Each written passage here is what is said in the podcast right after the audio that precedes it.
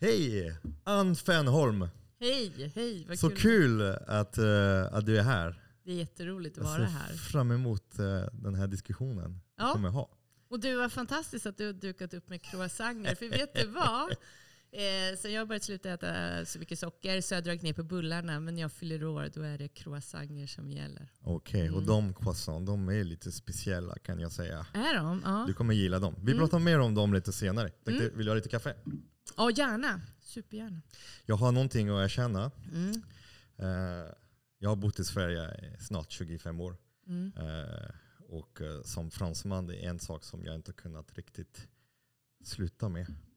Och vad är det då? Att jag har socker i kaffet. Ohoho. Ska du ha det nu också? Alltså jag, jag, jag måste. Du måste. Jag, tyck, alltså jag tycker inte att det blir så jättegott. Eh, jag har har du provat två veckor utan och se vad som händer?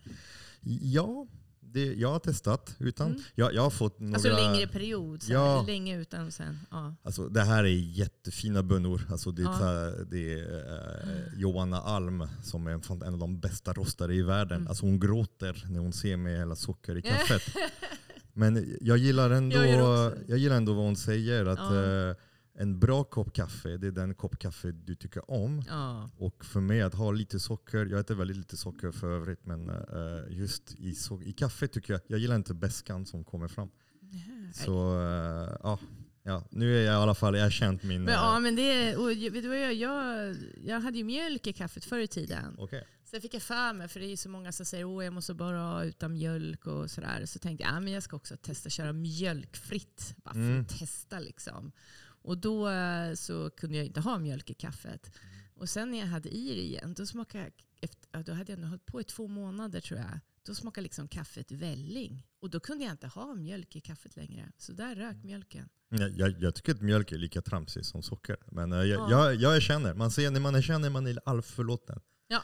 Det säger vi på franska. ja, bara, så här vet du vad, jag känner alla får äta mycket socker de vill, bara man Mm. tar ett medvetet val. Det är det viktiga, Mhm. att man vet vad man gör. Och jag är supermedvetet nu. Ja, det är bra. Plus det är att jag är bagare så det är en, en, hel, en hel del socker som tar sig förbi mina, mina, mina händer. Ja. Men ehm, bra.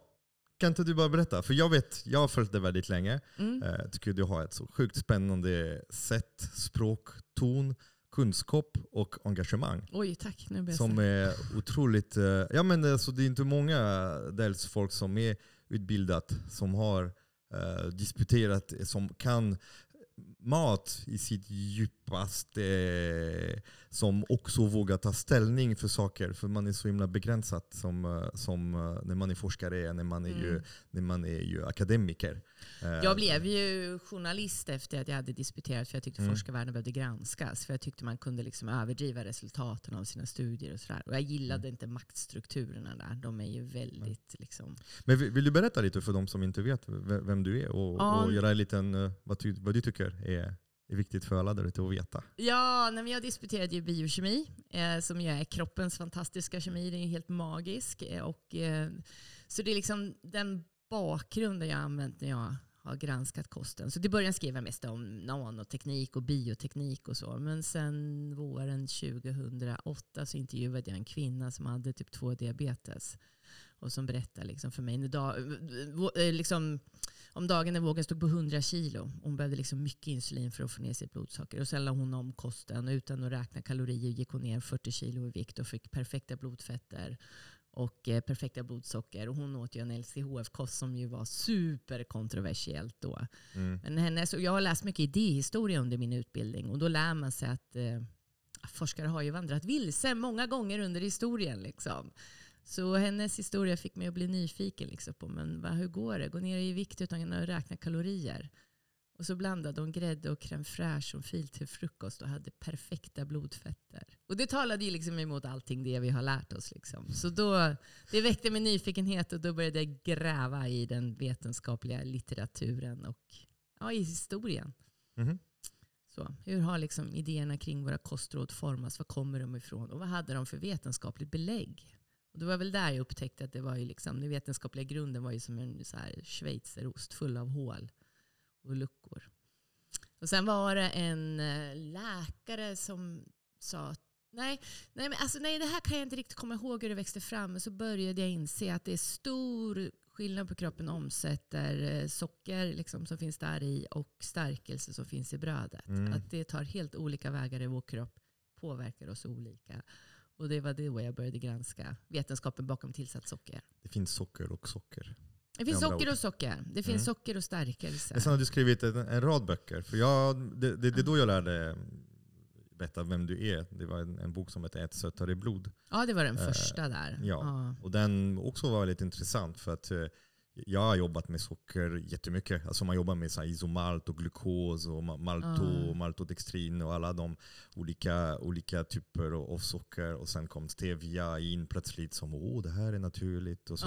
Eh, Så det, det, jag har varit väldigt intresserad för man är intresserad av hur socker kristalliserar, molekylerna och eh, ja, det är kemi Eh, alltså. Det, det är kemi. Men jag, Ja. jag, tror- jag vill fördjupa mig mer i det och få din inblick för att jag har där uh, konditorivinkel. Ja. Och jag tror att många konditorer där ute vet inte riktigt vad är det för socker de använder i sina produkter.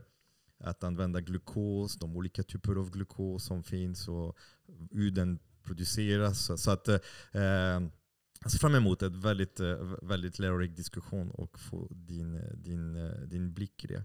Mm. Men vad, vad händer nu? Vad gör du nu? För jag ser det är mer så att du jävlas med industri ganska mycket. ja. Det, ja, men det gör jag det ju. glömde jag säga. Ja, nej, men eh, nej, så här, om vi fortsätter då. Jag skrev en bok om barn och socker, för jag tycker det är så viktigt att få bort sockret i barnens kost. De äter ju Mm. alldeles för mycket. Sen när jag skrev den bok så undrade jag hur sjutton får vi ungarna att käka då? Om de inte ska äta tonvis med socker. Hur kan inuiters barn käka valspäck och fiskögon och våra barn de kan knappt äta laxfilé? Och då satte jag in mig in i den forskning som handlar om hur man lär bebisar äta mat. Som ju är otroligt spännande och ju kan få väldigt matglada barn faktiskt. Och det handlar om första året i livet. Det är jätteviktigt. Och sen under hela den här resan då, då från liksom typ 2-diabetes, åldersdiabetes ner till bebisar. Så har jag läst så många ingredienslistor och så började jag fundera, men vad är det för budskap på maten? Det stämmer ju inte alls med ingredienslistan. Liksom. Eh, så här, hälsofilen innehåller en, liksom en tredjedel av alla kalorier i den är tillsatt socker. Det är ju inte hälsosamt. Och det var då jag började skriva öppna brev till livsmedelsindustrin och skrev min senaste bok fejkmaten. Och där har jag anmält många vilseledande budskap. Och insett att livsmedelslagstiftningen skyddar ju inte oss konsumenter.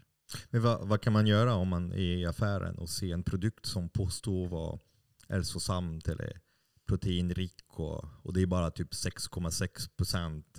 Alltså, Ja. hur, vad, vad är tillväga? Ja, då så måste man kolla vilket bolag eh, säljer den här produkten i Sverige. Sen måste man kolla upp vil- vilken kommun har det bolaget sin, sitt huvudkontor i. Mm. Och sen skickar man en anmälan till kommunen. Och, då ska de, och i kommunerna finns det livsmedelsinspektörer som ska granska det. Ja, det är Livsmedelsverket som Nej, styr. livsmedelsinspektörer. Nej, Varje kommun, kommunala okej. livsmedelsinspektörer. Samma som granskar dig som bagare om du Mm. har ett bageri. Liksom. Det är Nej, samma inspektörer. Åh, livsmedelsinspektör. Jag älskar dem. ja. De är fantastiska. Ja. De, eh, jag har väl lite kluven inställning. Jag tycker vissa kommuner Mm. har ju väldigt duktiga livsmedelsinspektörer som är på konsumentens sida.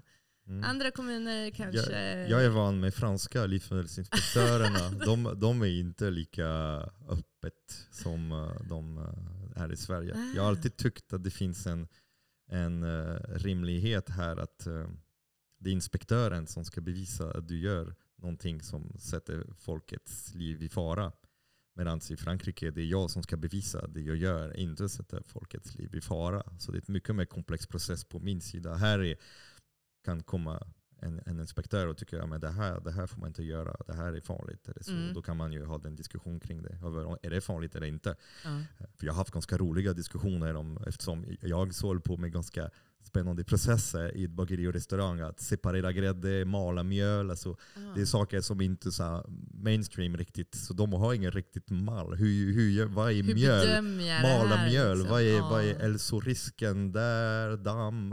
Alltså, Ah, eh, hälsorisken för dig? ja, hälsorisken eller? för mig, dels för med damm och brand Mm. och så. Sen det är hälsorisken. Ja, det gäller ju vissa fisalium och vissa, vissa, för jag köper då hela spannmål och maler den Mm. och gör det till mjöl. Och, eh, då måste man ha en rad olika kontroller och så. så att, eh, Mm. det kan jag rekommendera. Är det någon som, som, vill, som bagare som vill mala mjöl om man vill möta Livsmedelsverket och livsmedelsinspektören väldigt bra. Då, då finns en dokumentation på Eldrimner på deras hemsida som man Mm. kan ladda ner och där man gör en rad olika besiktning som man kan bedöma om det finns.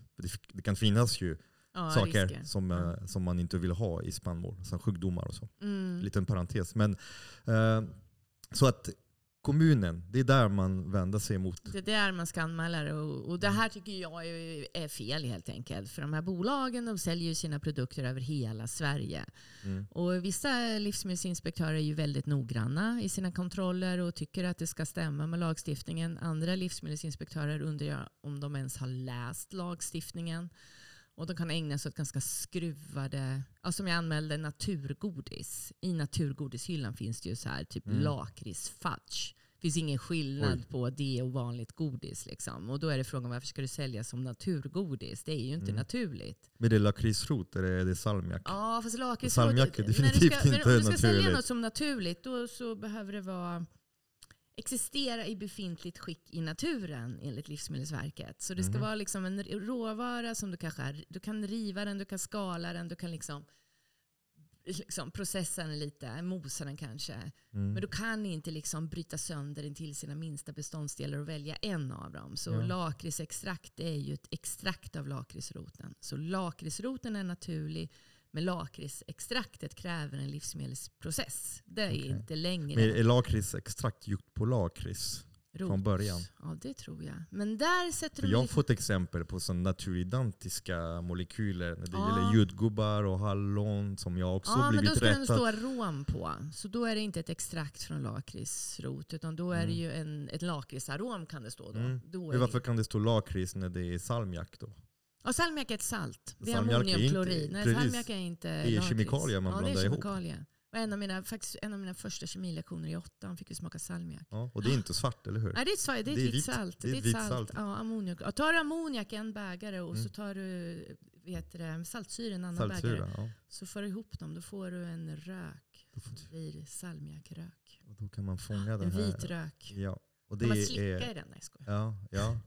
Jag är inte så uh, förtjust i lakrits just på den anledningen. Men det är salmiak. Men lakritsroten gillar jag. Ja, alltså, tugga den, är fin, den är hälsosam, den är härligt. Men Ja. salmiak är inte lakrits.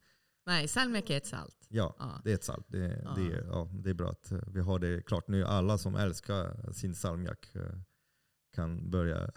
Du vet, vet du vad vi gör? Alltså, nu måste jag säga, våra barn får ju, äter kanske mindre socker än andra barn. Då. Okej. Men vi har så här, det finns att köpa en blandning av lakritspulver och salmiakpulver. Och Mhm. det tar de och så doppar ibland torkade aprikoser i har de gjort. Vi har använt det för att göra liksom typ lakritschoklad hemma Ja. som är mindre socker i än vanlig typ mjölkchoklad. Men så ser jag min son en dag stå och doppa en banan i det där pulvret.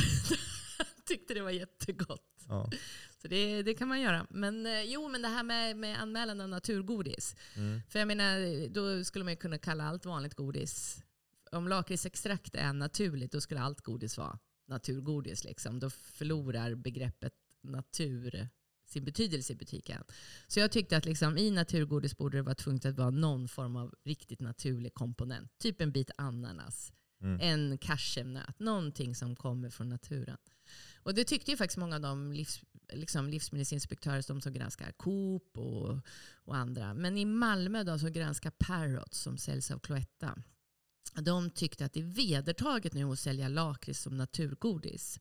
Så då får det vara så. Och jag bara, men lakrits är ju vanligt godis. Varför ska det säljas som naturgodis? Och då tyckte livsmedelsinspektören att ja, men, eh, eh det, det är ingen som tror att naturgodis är nyttigare än vanligt godis. Och jag bara, men det tror man väl visst. Varför ska det då säljas som, som naturgodis?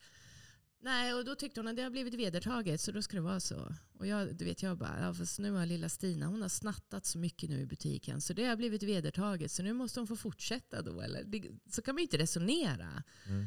Så nu... Det är någonting som Man ska man ser i de flesta, alltså glass och godis. Är ju, man kan använda begrepp. Jag har blivit rättad av vaniljglass som inte innehåller vanilj eller Ja. vanilj, vaniljskum.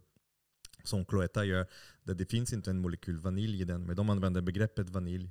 Och det Ja. blir väldigt svårt för då ska jag göra någon vaniljfudge, cola, på en vaniljglass, vanilj. en ja. vaniljsås. Och då, då kommer jag använda vaniljstång som är Ja. den. Men att man inte skyddar, att man utgår från att folk förstår att det kan inte vara naturligt vanilj såklart. Så att då är det helt okej, för det känns inte vilseledande. Medan jag tycker det är vilseledande när man ser sådär fruktgelé, där det Mm. finns bara arom och de tre första ingredienserna de är ju maltos, glukos, fruktos, dextros. Ja. Eh, du vet, Sen är det jordgubbsarom. Liksom. och sen det är jordgubbsarom. Ja. Kan du, kan du berätta Och lite då ska vad... det ju egentligen, Mm. alltså egentligen ska det stå med, då ska det stå med jordgubbssmak. Mm. Eller med smak. De heter Då är frukt, det arom. frukt, skum. Ja, fruktskum. Ja, precis, jag tycker att det där är fel. Och liksom. vad är frukt då? Är Ja. frukt? Jag har Är, försökt anmäla. är spannmålen frukt? Ja, nej, Är majsen frukt? ja, nej, det skulle jag inte säga. Nej, okej. Och vad är de fyra första ingredienserna Ja, i de ja, där det är godisen? glukos, fruktossirap Ja. som kommer Kan från du berätta hur de, gör, hur de där görs? Ja, de olika sockerarterna. Ja, ja. Kan vi göra en liten, en liten granskning? Kan vi börja med alltså, sackaros? Det, ja, det är min kaffe. Ja, sackaros. Det, Ja. det, det du har ju Mm. rårörsocker, det tas ju från ett sockerrör då. Mm. Eh, Det vanligaste sockret i Sverige är betsocker. Det tas från en sockerbeta. Och då tar man hela den här sockerbetan som säkert är ett näringsrikt livsmedel. Och så tar man bort allting som är bra för kroppen. Alla vitaminer, mineraler, allt som Fiber. är bra. Vet du vad, vet du vad det är vad som händer med det? Den här fibern, nej berätta. Ja, det Biogas? blir ju ett näringsrikt djurfoder. Ska du sälja dem. Det är Aha. melass och betfor. Det vet alla som rider vet att man ger hästarna liksom sånt. Eh, ja, och den, så renar vi fram en ren kemisk substans, sackaros, och så är det den vi äter. Så vi äter energin i sockerbetan. Men så biokemi ser ju all näring, vitaminerna och det där. Det är ju som smörjmedlet i det här magiska maskineriet vi har inom oss. Det är så komplext. Det var det som liksom fick mig att fastna för biokemi. Att man bara, åh hjälp, liksom, att vi ens kan leva. Det är helt sjukt. Och nu plötsligt liksom så tar vi bort allting som egentligen driver det här maskineriet. För vi måste ju äta det som ska driva vår kemi. Liksom. Det tar vi bort, det blir djurfoder. Själva äter vi den rena kemiska substansen som bara ger energi. Och det är klart att det är ohållbart. Liksom. Vi har alltid lite utrymme för, alltså, för lite socker. som en liten, Är sockret i kaffet det enda socker du äter så är det fine. Liksom. Men, eh, men eh, så blir det. Och så det är så vanlig sackaros framställt. Sen kan man, och sackaros ett socker som består av glukos som sitter ihop med fruktos. Mm. Det är två molekyler. Ja, och glukos finns ju i stärkelse. Det är Mm. ju det socker som kroppen jättegärna använder som energi. Och tittar man på kroppens biokemi så är ju vår kropp optimerad för att drivas av glukos. Mm. Det forskarna tror är den farliga delen av tillsatt socker är fruktos. Så man tror att det är fruktos i stora doser som skadar oss. Eh, och då ehm, så tänker man kanske så här, nu sitter du och tänker, men fruktos är ju fruktsocker. Det finns ju frukt, ska man Nej, varna jag för tänker det. inte så. Du tänker Jag- jag vet, men kanske- tänker Kanske så. fler också. Man Ja. tänker fruktsocker, fruktos är frukt. Ja. Att det är nyttigt. Ja, ja men precis. Men liksom, det finns i tillsatt socker. Och köper en påse liksom, gelégodis, 160 Mm. gram är väl standardstorleken typ. Då får du i dig lika mycket socker som det finns i sex äpplen. Om Mm. du köper liksom sex äpplen, hur länge räcker de då? Ja, men det är fiber också, det är Ja, vitaminer. är, vitaminer. det är, och alltså äter är- ett äpple per dag kanske. Man orkar inte äta sex äpplen heller. Nej. Ja, det är lite tillbaka till juice och så. Men, Ja. så det Men- man, men- man, så man det har tagit här- bort allt som är nyttigt från, eh, Ja. från, eh, från eh, en växt. Och det gör ju att vi inte blir mätta av det där sockret, så det Mm. överäter vi ju. Sen så kan man klyva bindningen mellan glukos och fruktos. Mm. Och då får man det som kallas för invertsocker. Yes. Ja. Sen så kan man ju då, det finns ju massa socker man framställer från stärkelse. Då Mm. tar man hela den stora långa stärkelsemolekylen som man har. Eh, kan man klyva den, det är ju massa glukos som sitter ihop som liksom pärlor på ett pärlband. Mm. Klyver man det i mindre bitar får man maltodextrin. Mhm. En väldigt lätt liksom, löslig form av stärkelse, det vet ju säkert Mm. du. Det kan vara liksom första ingrediensen i en dippmix till exempel. Ja. Då köper vi den här stärkelsen som egentligen är jättebillig att framställa för så här 550 kronor kilo.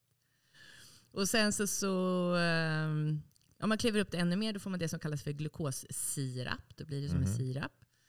Kliver man upp stärkelsen hela vägen så man bara får fritt glukos, då får man det som kallas druvsocker eller glukos på ingredienslistan. Och igen, druvsocker är inte gjort på druvor. Nej, Nej. Druvsocker är glukos. Ja, men förlåt, vi, alltså, på svenska det är sådana svåra begrepp. Men det finns citronsyra, vinsyra, Ja.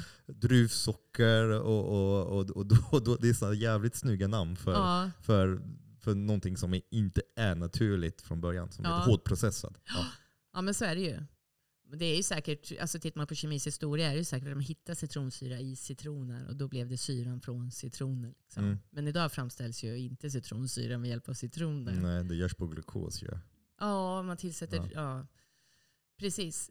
Ja, men eh, nästa steg då, då, för druvsocker är ju sött men inte jättesött. Mm. Så då om man vill att det ska bli ännu sötare så förvandlar man med hjälp av enzymer glukos till fruktos. Och då får man det som heter glukos-fruktossirap. Mm. Som i USA heter high fructose corn precis. syrup. Och det är förbjudet i Europa va?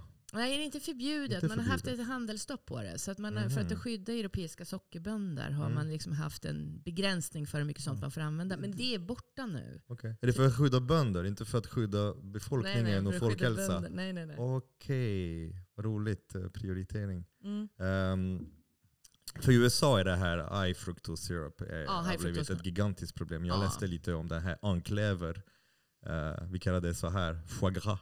Ja, Att, eh, att det just att det gör att man kan få en extrem Fettlever. fet lever. Ja. eh, för att, men vet du eh, vad? Det spelar ingen roll om du äter vanligt tillsatt socker eller high fructose corn syrup. För båda innehåller fruktos. Mm. Och det som min andra bok handlar om då, det är ju att fruktos det- det är egentligen en ganska reaktiv molekyl, så den vill inte vi ha ut i kroppen. Liksom. Mm. Så den går in i levern precis som alkohol. Och då kan det ju vara så att du liksom har sprungit en mil när du käkar din påse godis och då eh, kan levern omvandla fruktos till glukos. Men äter du den där stora påsen godis efter att du ätit en stor portion pasta och kanske har suttit liksom och tittat på Netflix hela dagen och du har inte rört dig och inte bränt glukos i musklerna. Då, kom, då kan man se att när du äter ett överskott av socker i form av, eller överskott av kalorier i form av fruktos, då drar det igång en fettbildning i levern. Mm. Och det är det forskare tror orsakar fettlever. Jag vet inte om du läste det i DN häromdagen så var det ju så här en, att det är en explosion av fettlever nu. Mm. Nej, jag, läste, jag tittade på en föreläsning från en, en fransk forskare Mm. som berättade att det här var en, en det, det håller på att bli en epidemi. Ja, och det är i ju det. USA det är ett epidemi verkligen. Ja, en eh, tiondel av alla får- unga. Och det är ju Ja. jättedåligt för det är ju, fettlever ökar ju risken för levercancer 17 gånger Mm. enligt en svensk studie. Och där har ju, levercancer vill ju inte ha. Liksom. Det är Mm. en eh, fruktansvärd form av cancer. Men du, du menar att den här lilla oraffinerat rörsocker som jag har i min kaffe, den, den beter sig exakt likadant i kroppen än om jag skulle ta in high fructose syrup? Ja, i princip. Ja. Det kan ha lite, high fructose corn syrup är, är det är, vad heter det, där är fruktosen fritt. Det sitter inte ihop med den är glukos. spjälkat ju. De är ju Ja, det, och då går det lättare ner i tjocktarmen. mm, Och det är svårare för kroppen att ta upp fritt fruktos. Det är lättare för kroppen att ta upp fruktos och sitter ihop med glukos. Sen bryts Mm. det ju ändå i, liksom, i kroppen. Så fruktosen går in i levern och glukosen går ut i kroppen. Men, eh, ja, men jag tror att det är lite hugget som stucket. Liksom. Men sen är ju allt en dosfråga. För när du äter lite fruktos, då kommer kroppen hinna med att bryta ner det. Även, alltså jag tänker de där kalorierna kommer inte mätta dig. Så det kommer bli lite extra kalorier du äter varje dag. Liksom. mm. Men, men det är ju stor skillnad att ta liksom en sked socker i kaffet då, jämfört med att äta 160 gram gelégodis. För det är 32 sockerbitar i det. Så det är som att du skulle äta ett berg av socker. Liksom. Och det, och, och det forskningen tyder på när man kartlägger hur det här med fettlever funkar hos möss och så. Då kan man se att det är en dosfråga. Hur mycket vi överbelastar levern. Liksom. Så att allt jag skulle säga från leverns perspektiv är det nog kanske lite bättre att äta lite socker då och då Mm. istället för att äta liksom stora doser vid ett och samma tillfälle. Låter lite som alkohol. Ja, Ett litet så. glas vin här och där och så gott. Och kanske inte dricka, dricka två flaskor varje, varje Ja. dag. Ehm, det är... ehm, Det positiva är att det är många som tror att det är mycket socker i vin. För mm. att det står ju så på... Ja, det beror på vilket vin det är. Alltså, om man, Ja. vi, hade, vi hade Ida här eh, på din stol och pratade om vin och just hur mycket tillsatt socker som hamnar ju i Ja. de flesta bag-in-box just för att skapa den här alkohol. eh, så att det blir högre alkohol i vinet. Eh, Och då kan det vara uppåt en 7 gram i dem per, Mm. och då står det 7 gram socker. Och så tänker vi det där är mycket. Men Systembolaget har i alla fall tidigare, nu vet jag inte om de har börjat ändra, men det har varit per liter. Så om du har 7 gram per liter så är det att du har två sockerbitar per liter. I en läsk är det 10 gram per deciliter. Okay. Så det är liksom mer än 10 gånger mer i läsk. Per liter. Ja, så t- per liter är det ju då Men det är 100 100 gram. gram. 100 gram. ja. Ja, så det är 7 gram mot 100 gram. Så det är väldigt Mm. mycket mindre socker även i sötade viner än vad det är i till exempel läsk. Mm, mm. Så det är lite som alla Good olika, news. olika ämnen. Det är så, mängden är giften. Ja, mängden är giftet. att- Ja, absolut. Men eh, jag- jag tror också att det är Always. väldigt mycket i, i processen. För det där är också, jag tror att det, av det jag har läst om, om socker och forskningen, det är att det är väldigt mycket så här siloforskning. När man kollar på ja, med effekt om vissa, vissa egenskaper och att ibland man kanske glömmer att zooma ut och gå i sidoprocesser. Eh, jag brukar titta på till exempel askorbinsyra ja, som har tillsatts i mjöl i, i ganska länge, i 40-50 år. ja. Och då de flesta säger, men vadå askorbinsyra, det är ju C-vitamin, det är inte farligt och vad, vad kan vara problemet? Och det jag ser med askorbinsyra i mjöl, det, det är inte att det, det är farligt för vad det är, det är att det är farligt för att plötsligt när det finns askorbinsyra i mjöl, då kan du knåda degen mycket, mycket hårdare och mycket längre. Jaha. För det är ett antioxidant, så det kommer ju hindra oxidation, så du kommer kunna binda glutenet och göra glutenet väldigt mycket starkare. Och kombinerar du det med en snabb jäsning med massa jäst på 35-45 minuter, Ja. då får du ju väldigt stark gluten som kroppen har svårt att bryta ner. Så askorbinsyra inte har en direkt effekt på din kropp, men den har en ju sidoeffekt genom att det är inte, den är inte farligt för vad den är, den är farligt för vad den får det att göra med råvaran. Inkludera Men ett gud nytt så process. intressant, det hade jag ingen aning om. Så, och Mm. när du knådar gluten då ändrar det struktur? Alltså du liksom. förstärker den, den blir ju starkare. Och kombinerar du det med Ah. tillsatsgluten i mjölet som är också atomiserat, som är mycket Ja. starkare än den naturliga gluten som bildas i mjölet. Ja. Och då plötsligt blir en helt ofarligt liten molekyl som görs också på majs förresten. Askorbinsyra görs på glukos Jaha, också. Ja, just det. Men de Eh. har mikroorganismer som skapar eh, askorbinsyra från glukos. Ja, precis. Ja. Det är en, en, en rad olika, olika mögelspår och så som, Ja. som kommer. Men att, att de, den är lila obefintlig plötsligt kan ha en gigantisk eh, påverkan. Och nu sitter hela svenska folket och, och äter ju hej och hå.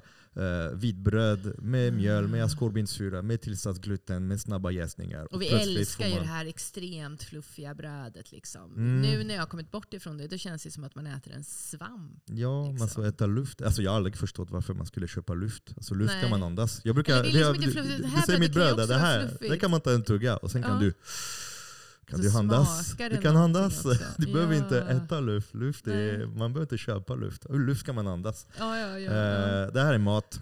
Alltså fantastiskt eh, vackert det är. Helt otroligt. Ja, vad, vad, är, vad är sockret där inne? För det är, det är någonting som är väldigt spännande om, om, eh, om eh, just stärkelse och bröd. Ja, För det är, växtriket är så finlurig, den är så häftigt. Eh, ja.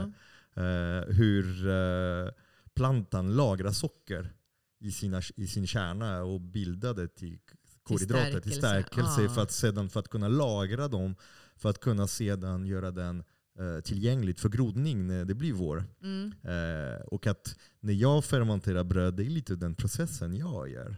ja. Att med enzymerna som finns naturligt i spannmålet som kommer ju som små saxar som kommer klippa de stora stärkelse och frigöra ju fria socker som kommer ge näring till gäst som ska äta den här sockret och producera koldioxid och alkohol och massa olika spill till bakterier som kommer sen är äta kemist det. ju. Ja men eh, jag jobbar med tre råvaror. Jag har mjöl, vatten, salt. Så det är klart Ja, att jag, ja. jag har ändå behövt veta. Och enzymer, ja det var ju inte, ja, precis och enzymer. De Och- där råvarorna innehåller ju extremt många ämnen. Så det tycker jag, man pratar ju sällan om, eh, forskarvärlden börjar prata om the food matrix, om alla de här spännande ämnena som finns i maten som du pratar om nu. Mm. Liksom, enzymerna som bryter ner saker. Och, ja, det finns så mycket där inne som... Ja, och där finns också olika sätt. Du kan, du kan ha ett vitt raffinerat superstark mjöl som kommer bli väldigt processad på många olika sätt. Där man har tagit bort alla fiber och mineraler och, och, och tillsatt till och med enzymer för, Mm. som passar bättre till en industriell process.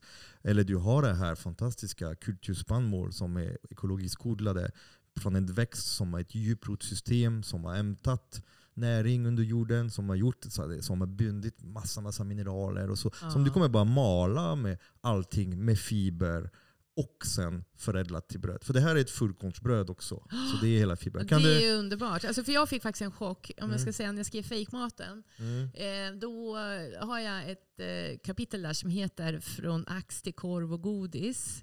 Som handlar om hur man bryter ner vete till 10 av de 100 vanligaste ingredienserna i vår mat. Till så här glukos, fruktos, sirap och sånt.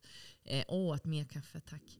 Eh, ja, och då så gjorde jag med hjälp av livsmedelsdatabasen, det är ju Livsmedelsverkets databas, liksom, där man har Mm. olika livsmedel. Då tog jag de tre delarna av vetekornet som jag är kliet, grodden och frövitan. fröviten. Och fröviten är ju det, det är ju energidepån som du pratade om. Så blir vetemjölet idag när man gör ett Mm. raffinerat Kärnvetemjölet. kärnvetemjölet. Mm. Ja. Och då så tog jag och jämförde just vitamin och mineralhalten i groddar, kli och Mm. och sen så, så, så insåg jag att all näring i vetet, det här som ska driva vårt maskineri, det finns ju i kliet och grodden. I det, som är ju industri, allt industri tar bort det. Ja, efter det här började jag köpa vetegroddar och tillsätta när jag bakar och så. För jag insåg att vetegroddar är ju fan... Eller kan du köpa fullkornsmjöl? Ja, eller fullkornsmjöl. Ja, men precis. Ja, med mina barn, liksom, du vet, ska jag Mm. göra pannkakor på fullkornsmjöl, då det blir inte poppis. Oh, okej. Ja. Men då kan jag, Men jag då kan jag faktiskt- du tipsa hur på jag riktigt gör? bra mjöler som beter sig jättefint i pannkakor. Ja, det vill jag ha. Mm -mm. Men annars så gör vi, jag gör ju pannkakor med dubbla mängden ägg och sen så kör jag i faktiskt havre eftersom det är fullkorn. Och sen har jag i en Mm. del vetemjöl och sen så har jag vetegroddar. Mm. Så det är lite i. Det där låter som en Frankenstein-pannkaka du pratar om. Frankenstein. Ja. Ja, man har tagit spannmålet, styckat alla kroppsdelar och sen sytt ihop dem tillbaka. Det låter som ett jättedyrt lösning. Ja. Man kan ta bara Fullkorn. fullkornsmjölet Ja. från ett andverkskvarn och, Ja. och då har du alla delar och hjärnan. Så att groden är det som, alltså industrin tar Ja. bort groden från allt mjöl. Så Och vet du vad som händer med de flesta vetegroddar idag då? Ja, det blir kosmetika och kosttillskott. Och Alltså, djurfoder. Och djurfoder. Ja. Återigen ett näringsrikt djurfoder. I, Ja. i fejkmaten Ja, men vi definierar äter de där djuren så det är lika bra att de har det bra. Ja, då, Eller hur? Nej, vi fejkmaten definierar ett nytt ord och det är frånsatser. Det är Mm. tillsatsernas motsats. Det är allting Mm. det som försvinner ur maten när vi processar den i livsmedelsindustrin. Och det tror jag egentligen är ett större problem med modern mat än tillsatserna faktiskt. Mm, mm, mm. Du, du noterade att jag, jag satt inte med socker i min kaffe. Jag, jag rider på det första sockret. Så att min Ah, kaffekopp kommer bli mindre grymt. söt och mindre söt. Ju mer jag, jag, jag fyller på med kaffe, desto mindre söt den är blir. det så du brukar göra? Eller? Ja. ja. Ja, och jag uppskattar så jag får en, en panel av olika smaker och beska kommer Ah. fram lite och kaffesmaken förändras lite grann. tycker det är Ah, jätte, jättegott. Så. Det var ju fantastiskt kaffe. Otroligt gott. Okej, Ja. men eh, så det är väldigt, väldigt kluven eh, alltihop. Och matindustri är otroligt eh, inte driven av folkhälsa.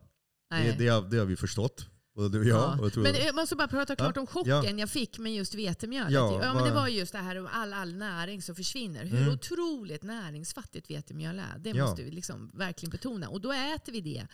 Då har vi börjat äta mer och mer vetemjöl. Vi tar ju bort potatis. Det är mycket mer näringsrikt än vetemjöl. Så där Mm. kommer ju stärkelsen med näring. Mm. Och sen har vi ätit mer och mer pasta. Liksom. Så att mm, vi, Som också gjort på vitt. Ja, och det här är jag lite, ja. Och nu då, då, för vi har ju en fantastisk hjärna och den drivs ju också av kemiskt maskineri. Mm. Och då i en tid nu när vi liksom har, har börjat äta mer, mer, mer och mer socker, ren energi utan näring. Vi har börjat äta mer och mer vetemjöl som ju är också energi i princip utan näring. Det är inte lika näringsfattigt som socker, men väldigt näringsfattigt. Och sen nu, då tar vi bort ett av våra mest näringsrika livsmedel som ju är kött. Och sen så ersätter vi det med jättekonstiga veganprodukter som är supernäringsfattiga. Liksom. Mm. Och så tänker jag, nej men, och någonstans kommer vi ju inte må bra längre för hjärnan klarar ju inte för, det. Det är bäddat för, för psykisk ohälsa. problem, psykisk ohälsa, övervikt. Ja. Och det ser vi redan, det är en epidemi i Sverige. Ja. Du vet alla, alla näringsbrister vi har, det slår sig först på hjärnan. Mm. Så det är ju det organ som först tar skada. Det har varit min livskamp att få att få alla att förstå att mjöl är en väldigt viktig stapelvara om den Ja. är producerad på, på ett bra sätt. Och att man måste äta fullkornsmjöl mer. Ja. Och att om man ska göra en pannkakssmet, en vafelsmet kanske till sina barn, att även om man förstår att okej om det är riktigt grov fullkornsråg och så, då kommer de runka på näsa och tycka Ja. att de är inte är så jättegoda. För de är vana med de där ljusa, fluffiga Ja. för de triggar igång hjärnan såklart. Men att man kan tillsätta 10%, 12%, 15%, 20% och öka sakta men säkert. Använda ett, ett stenmalet siktat mjöl.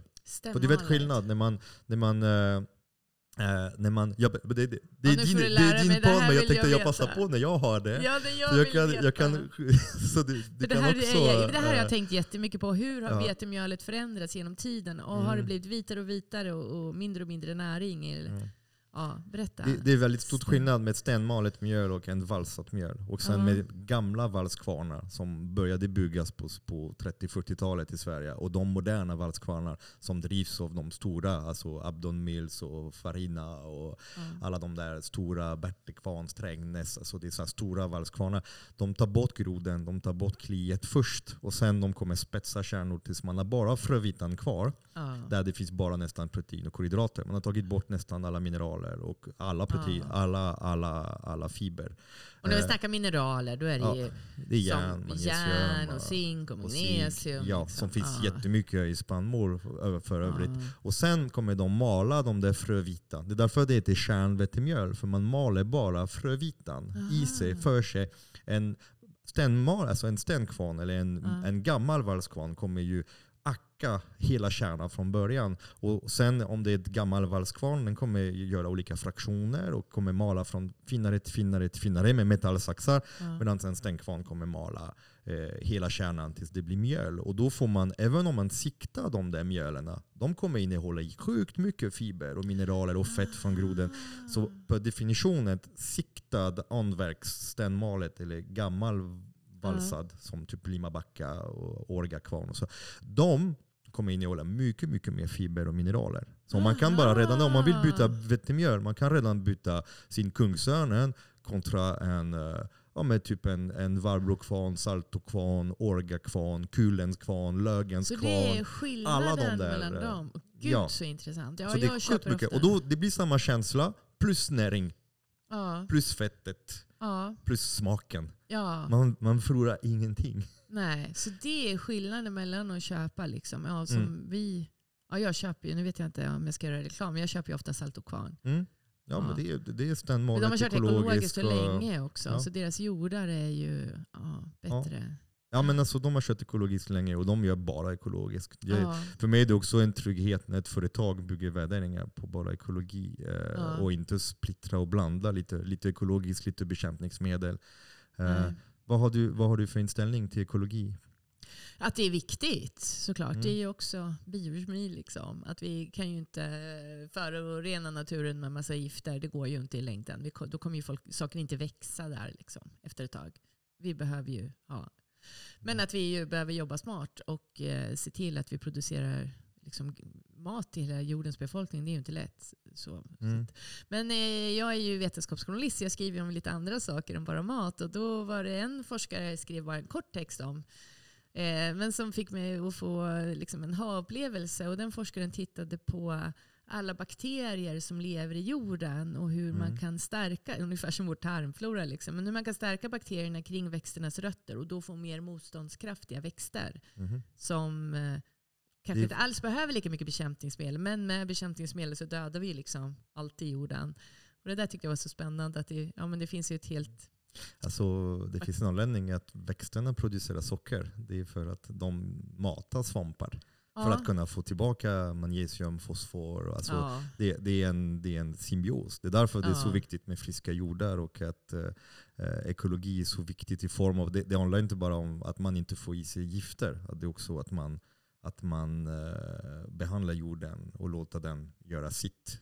Men vet du vad, när jag skrev Stora boken om barn och mat också, då, intervjuade, Mm. då frågade jag faktiskt Livsmedelsverket, för många är ju, liksom, eller så här, barnmatsindustrin har, de har ju väldigt, väldigt höga krav på sina råvaror. Det får ju inte innehålla några gifter alls. Och då utnyttjar de det i marknadsföringen och säger så här, ja våra, vår mat är väldigt välkollad. Eller så här skriver de. Ja, grönsakerna i grönsaksdisken kan ju vara giftfria. Och då är det som att de implicerar att där finns massa gifter så man ska liksom använda deras mat för de har bättre koll. Mhm. Så då, och det här tycker jag är så fult för det finns inget så effektivt som att små, eller så, här, så små frön av rädsla i föräldrar. För det är ju Mm. ingenting annat som man vill beskydda så mycket som sin lilla bebis. Liksom. Så jag ringde Livsmedelsverket och frågade men hur farlig är den här maten liksom vi har.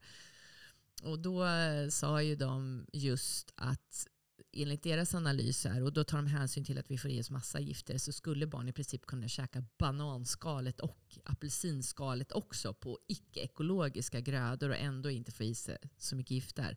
Utan skälet till att vi ska äta ekologiskt är ju för böndernas skull. För de som Mhm. besprutar. För det är de som får i sig mycket mer gifter än vad Mm. vi får när vi äter maten.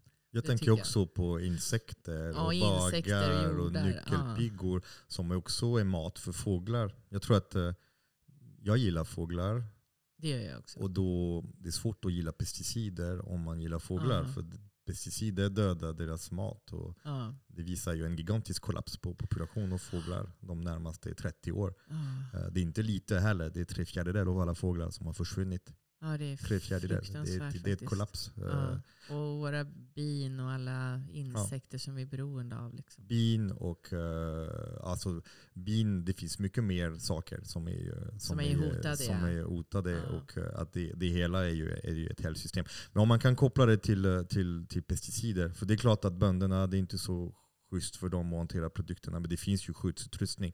Så att eh, det kan de också, jag tänker mer att Ja. man, man sprider de där pesticiderna ute, ute Ja, i det naturen. är också nej, det är förkastligt liksom, på jorden och sådär. Mm. Ja. Men du, du är positiv för ek ekologi. Ja, för, för nu det har gått ner ganska mycket och det är många som har börjat inse att eh, ja, men det är kanske bra nog med vanliga livsmedel. Att vanlig potatis är kanske tillräckligt bra. Hur, hur kan du förklara att föräldrar som har, som har barn, de skulle kunna ge sin njure till sitt barn, skulle ge sitt blod, sitt njure, hoppa framför tåget eller bussen eller bilen och hoppa in i vattnet i stormen och för att rädda sina barn och samtidigt skapa, skapa ett mat. Eh, och mata dem och låta dem bli matad. Låta skolmaten vara så pissdåligt som den är i Sverige.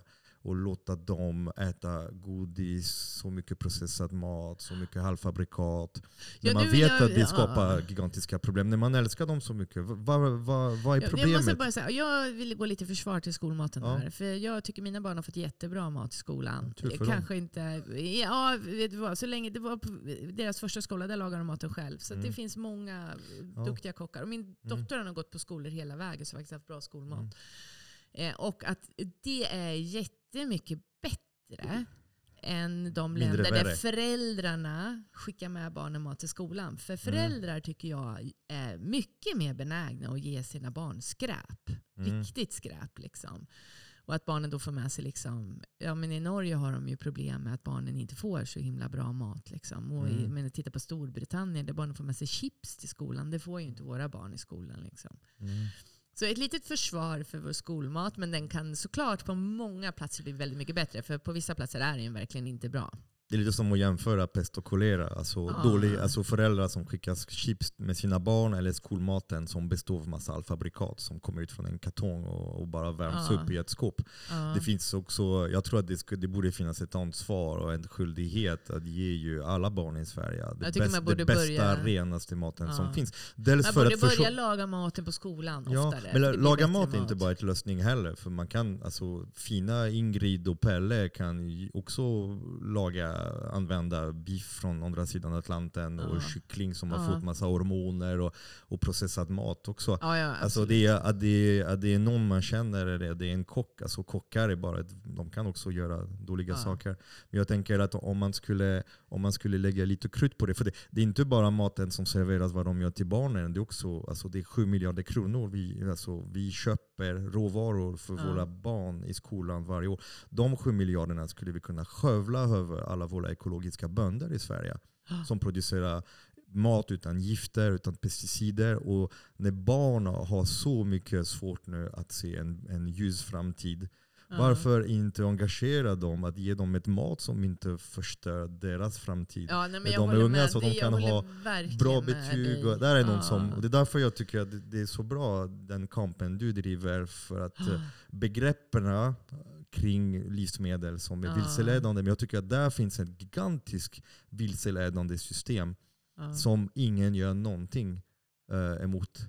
Förutom små försök när man har skickat eh, Carola och gör ett litet tv-program och så här. Och det, och det gör visst lite skillnad som kanske dina barn har fått bra mat i skolan. Eh, eh, men tyvärr det är inte så. Och nu det har blivit mycket, mycket värre med den nya regeringen vi har. Där de flesta har backat jättemycket på att köpa ekologiska råvaror. Ja, de har ju liksom inte råd nu med inflationen och Ja, allting. men råd, alltså, det, jag, jag håller med dig. För man ska inte vara snål med är barns jätteviktigt. Elsa, Ja. tycker jag. Och grejen är, ska barn lära sig saker så måste de ju få bra mat. Det är jätteviktigt att de får ordentlig och bra mat. Mm. Men sen så vill jag också verkligen slå ett slag för att vi föräldrar behöver liksom få kunskap om hur viktigt första året i livet är för att överhuvudtaget barnen ska äta den där bra maten. Så vi inte liksom Mm. fastnar i eh, makaroner och köttbullar.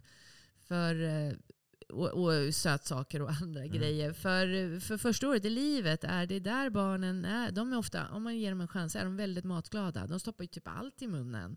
Och de gillar att utforska stark mat, smakrik mat, massa kryddor och allting. Bara vi låter dem. Plus att de efter sex månader behöver få en chans att lära sig att tugga och svälja mat. För det är en Mm. motorisk utveckling som vi, vi ser den ju inte och därför så är vi inte medvetna om den. Vi ser ju hur de lär sig krypa, stå och gå. Liksom. Mm. Men det här att lära sig tugga, svälja mat, det har vi inte koll på. Utan det är vi bara rädda för. Vi är så här, åh nu sätter de mig i halsen och det är farligt. Vi, vi förstår inte att det är barnet håller på att lära sig att tugga maten. Mm.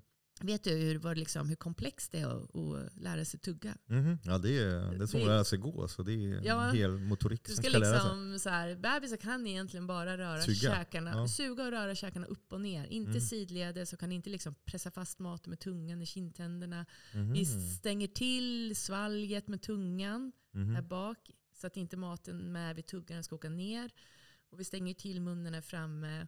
Och sen så, så gör vi någonting som heter tungsvepet. När vi, liksom, när vi tuggar maten formar vi små lagom bitar som vi sväljer i lagom takt. Liksom. Mhm. Och svårast för bebisar är tydligen här en blandning av, eh, nu pratar jag Kajsa Lam som jag har skrivit stora boken om barn och mat. Hon är Mm. logoped så nu är det hennes kunskap som bara kommer ut genom Mm, min bra. mun. Ösa på. Ösa Ja. på. Nej, men det svåraste komplexet är sådana här burk, barnmatsburkar som ger sås och bitar i. För när du tar det, så tar du, om du har en soppa med bitar i, då silar du bort liksom vätskan, sväljer den först och sen tuggar du det är liksom hela bitarna i. Och det här behöver ju bebisar lära sig, men vi är inte medvetna om det. Plus att det är otäckt att ha saker en konstig konsistens i munnen. Och det är också något vi lär oss under bebisåren. Så även du är från Frankrike. Jag kan minnas mitt första ostron, det var i Frankrike. Och jag kände så här, ah, det här smakar ju, det var citron på, så jag tänkte det här smakar ju liksom bara hav, salt och citron. En jag kyss från havet. knappt svälja liksom. Jag tyckte Mm. det var så läskigt. Och sen i efterhand då när jag skrev det här så insåg jag när forskarna berättade för mig hur viktigt det är att lära sig konsistens av mat. Att det var ju konsistensen jag reagerade på. Så när mat känns så äcklig så vi knappt kan svälja är det inte alltid smaken utan det är väldigt ofta konsistensen som vi tycker är Mm. läskig. Därför man ska inte ge minestrone till småbarn. Tärning på morot och potatis i en buljong, det blir jättejobbigt. Nå, ja, För dem- precis. det blir Efter ett tag. Men, men man Mm. måste förstå att det är en svår konsistens. Om de reagerar med så här att de tycker det är konstigt och det rinner ut och så. Så är det för att de behöver öva. Så det egentligen Mm. ska vi inte säga att vi ska inte ge dem. Utan vi måste förstå att Mm. det är en övningsgrej som behöver, de behöver lära sig. Ja, men hur, hur, hur gör vi för att eh, när, när våra barn är ett, då börjar de gå på, på förskolan Ja, och då börjar de få skolmat. Ja. Och då allt man har försökt att lära dem och så plötsligt blir ju förändrat. ja då Eh, blir det... Makaroner och mat och konstigt och, Och hit och blir dit och så. Baserat på vilket plats det är nu. Alltså det finns ju, Pärlans polarbröd, ja, polarbrödskakor oh, till... Oh, aj, aj, aj. Ja, och Eh, jag ska säga, mina barn fick faktiskt hembakt bröd ofta. Mm. Så. Säkert Kungsörnens mjöl. Men På vitt mjöl, ja precis. Ja, det är så man lär sig hela tiden. Ja men det, Ja. det förstår. Det, är, eh, det här är, eh, det är därför, det är lite mitt syfte. Jag känner att det här är min funktion i världen. Ja. Jag, ska, jag har blivit tillbringad till den här världen, till det här landet för att hjälpa folk att hitta till fibrerna och mineralerna Ja. i spannmålet. Våra Ja. livs, viktigaste livsmedel som vi har i Sverige. Alltså Och sen tycker jag potatis, lite mer spannmål, baljväxter. traditionell så fransk inställning till mat. Att man, eh, Mm. ja, men i Frankrike man äter ju typ ofta hela delen av djuret. Man slänger ju inte massa viktiga delar. Ja, det gör man också i Sverige. Det bara att man, man, man, klä, man korv. klär om den till något annat som Ja, inte känns man så leverigt eller så tarmligt eller så järnigt. Ja, så kan det vara. Så kan det vara. Nej, men alltså, den här glädjen till maten och smaken och så. Det tycker jag... Men är- den, den har en funktion. Alltså, den har en funktion och det är det som handlar när man pratar om about mat och det där med processerna. Och det är lite, det vi måste prata mer om det ur industri, förädla råvaror på ett sätt som förändrar kvalitet på maten Mm. och använda begrepp som är vilseledande och gör ett mat som gör folk sjuka, tjocka och som är extremt dyrt kontra ja. näring. Eh, och idag vi pratar om matpriser som är så höga och så här. Men om man kollar näringsmässigt, Ja. hur, hur dåligt? Jag hade Olga här i första avsnitten, om ni, Ja. om, om, om ni vill lyssna på, på hennes avsnitt där vi pratar om just eh, näring i mat och kontra priset. Det blir så här superhäftigt. För när man börjar förstå det, man säger vad fan gör jag med mina pengar? Men vet du vad? Alltså min grej är ju också, till exempel så här, det finns ju något som heter Vitamin Well. Det är någonting jag ska anmäla faktiskt, för det är ju Mm. helt skruvat. Det är, det är liksom vatten, aromer Mm. och eh, socker. Nej, det är socker Det är i socker, faktiskt. Ja, det är socker. Vad är det för socker? Vad Ja, vanligt. Är det- Ja, frukt. Ja, jag kommer inte ihåg. Där, kan, där vet jag inte. Men det är Mm. liksom aromer. Och sen så är det lite tillsatta vitaminer. Och vet du vad vi köper det här för? Ja, det är dyra chili. 45 kronor litern. Typ Ja. tre gånger dyrare än mjölk. Mm. Och de där vitaminerna det kan vi köpa i en vitamintablett för tre kronor. Så för liksom att få vitamintabletten utspätt i aromer och socker och vatten Mm. så betalar vi typ 40 spänn litern. Och, det, och, och, och sen så, så är det liksom, för det här är också en grej jag börjar tänka på, hur Mm. lurade vi blir av alla aromer som du pratar om, smakämnen. Det finns ju tusentals smakämnen för industrin att välja mellan. Det finns ju smakämnen för brynt smör, för fetaostsmak, för cheddarostsmak. Liksom. Det finns Mm. ju smakämnen för allt. Tack chipindustri. Ja, och då Chips. tänker jag, om man liksom, då finns det ju såna här bars, liksom proteinbars. Då kan ju de vara lite mjölkprotein. Det är ju ofta någon sidoström från när vi gör ost. Att man får liksom vassle över och tar man vassleprotein. Och sen så tar man sötningsmedel och sen glycerol. Liksom. Typ Mm. det vi har i kylaren annars. Och sen lite massa olika konstiga fibrer. Så skapar man någon textur och använder aromer för att få något som smakar kola. Sen kan det vara lite kakao i. Det kanske är det enda som är naturligt. Men så skapar man en bar som kanske smakar blåbär och kola eller liksom marshmallows. Och så säger man att den är så functional foods, står det. För det är typ 25 gram protein i och inget tillsatt socker. Det skulle vara så här funktion. Det har jag anmält och det ska de få ta bort nu. Mhm. Men, men så köper vi det för 450 kronor kilot. Mm. Man bara, och, det gör mig upprörd. Att vi som konsumenter är så omedvetna om vad det är vi sätter i oss. Och tror att det är bra. Att vi låter oss lura så grundläggande. Och det är liksom. folk som tycker att ett sånt där bröd som är på bordet som väger 1,5 kilo är dyrt när den kostar 80 kronor kilot. Ja. Alltså för 80 kronor kilot får du alla långsamma, alltså det är kolhydrater som är långsamma, det är Ja. fiber, mineraler, det är gott, plus att det försörjer ett jordbruk som är, som är hållbart. ja. Och den är inte packad i massa plast och gjort i en fabrik långt borta. Vad är- Dessutom är det Mm. sjukt vackert. Ja men det, det här är Det är mitt försök till att få fler att förstå att det här är inte bröd som man Nej. kanske tänker sig. För man, man, man, man kallar allt för bröd. Man kallar surdegsbröd. När, när ska du ge det på, på den? Alltså surdegsbröd i affären. Gud, och, ja. eh, de där begrepp när det står eh, anverk, stenugnsbakat. Som att det skulle ha någon slags påverkan. Alltså Ja. industri som eh, gör anverk. Eh, En, en fråga som har, som, som har snurrat i mitt huvud det är eh, tillskott vitaminer.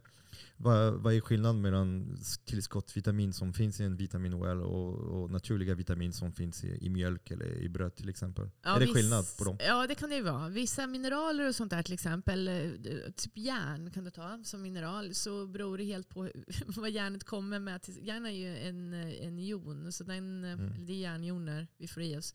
De måste ju kopplas till någon form av, eh, det blir som ett salt, liksom, eller kopplas till en annan molekyl. Och då finns det hemjärn till exempel i kött. Då. Det tar vår kropp upp lätt. Liksom. Så mm. järnet från kött tar vi upp lätt generellt sett. Medan järn från eh, växter och spannmål tar vi upp mindre lätt. Liksom. Beror på hur man förädlar det i och för sig. Ja. Ja, det beror på hur man förädlar det. Om man gör som du gör surbröd, då byter man ner en för tinsyra. Yep. Men sen beror det på också, för i tillskott då kan det vara så järnhydroxid. Eh, det tar vi upp, det har vi svårt att ta upp. Mm. Och sen kan det vara, nu kommer jag inte ihåg, men man kan ha det med, jag vet inte om man har järn med laktat. Men vad järn sitter ihop med mm. spelar roll för hur lätt vi tar upp det. Likadant om vi köper zinktillskott eller magnesiumtillskott. Vilken form de kommer med, liksom, eller vilka andra ämnen. De kommer mm. att spela roll för vårt upptag i kroppen. För det är lika viktigt att vi tar upp näringen. För den kan passera rakt igenom om den kommer tillsammans med fel molekyler. Liksom. Mm. En hel vetenskap det där. Men ja, det men det, är det inte ännu en anledning att låta den naturliga råvaran ta plats i vårt ja. matsystem? För, för naturen är ju så bäst ja. som den är planerad. Och att om man tar en hel kärna, där är ett bröd som är gjort på MR.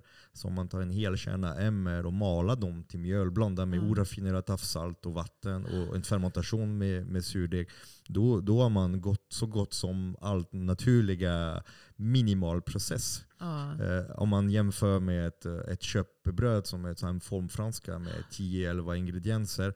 Eh, där har man de flesta, alltså alla råvaror är ganska hårt processade. Ja. Är det någonting du, du, du kollar på processnivå på olika råvaror? Alltså process alltså det här med 2, mjölet 3, 4... en grej. Det var jättekul att prata med dig för ja. det är en sån fråga som jag haft i huvudet. Vad är skillnad på mjöl och liksom, vad spelar det för roll? Men det är såklart att det spelar roll hur vi processar råvarorna.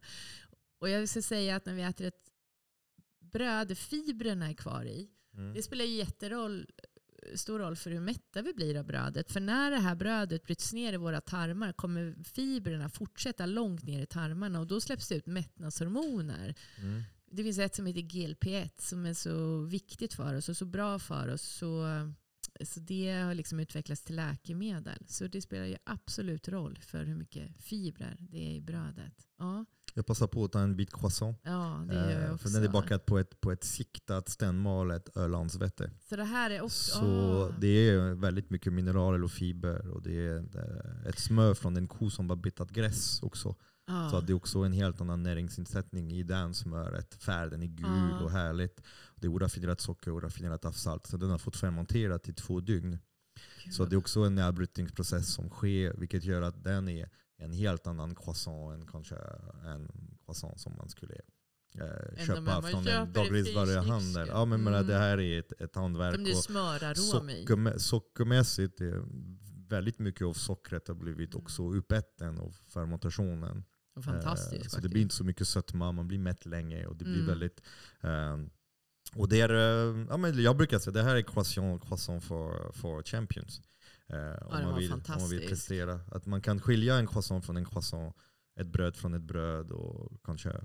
Ja, med gröt från gröt baserat på hur man, hur man, hur de man här croissanterna man köper i frysdisken, de är ju mm. väldigt, alltså de är ju faktiskt... De är inte croissant. Nej.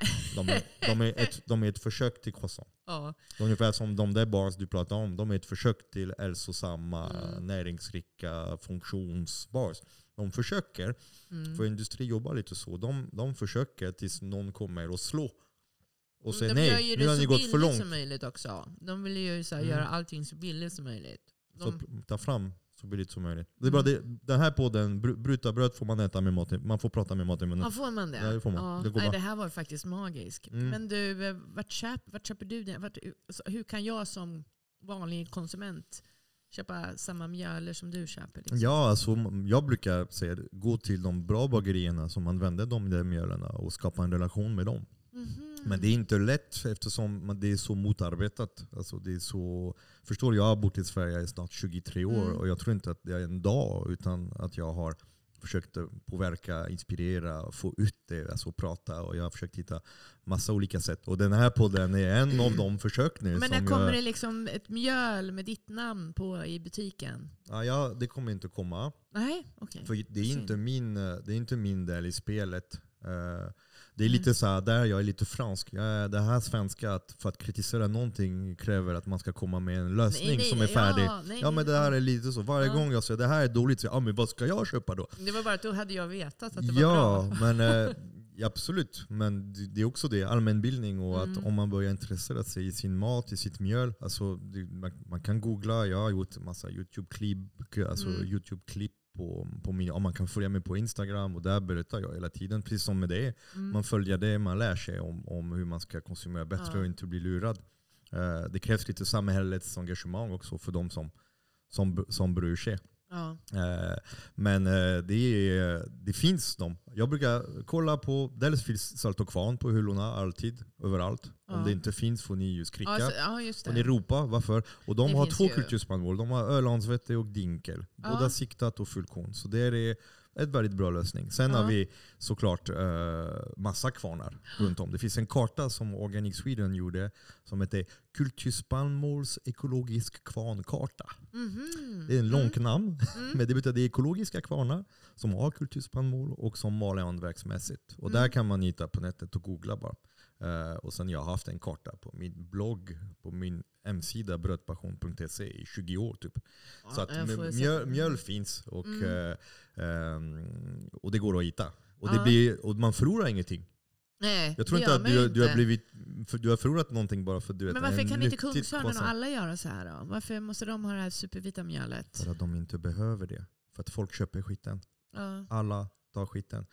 Uh, brödindustri gör inte dålig bröd för att de inte kan göra bra bröd. De Nej. gör det för att de inte behöver det. ja, just det. De har ett spärrum som är så jävla bred. För det här har jag funderat för, Ja, precis. Ja, det var jätteintressant det här. Mm. Att det var så stor skillnad på mjöl. Det, det hade jag faktiskt ingen aning om. Hur det här med malningen och sånt. För det står ju bara liksom, stenmalet på. Och så har man ingen aning om som konsument vad det är. Nej. Och det har inte jag satt mig in i. Men Men det är det man ser bakom det, är en liten stenkvarn. Men det finns mindre. Man ser det, man ser det i bakgrunden. Det är, eh, ja. det är egentligen den mest primala verktyg mänskligheten har skapat efter Ja. silexknivar och Ja, att man har byggt två stenar som kan snurra på varandra för att krossa spannmål för att få föda. ja. För att öppna upp kärnan. För vi är inte gjorda för att äta spannmål som den är. Spannmål, spannmål handlar om reproduktion och, och, och överlevnad för växter.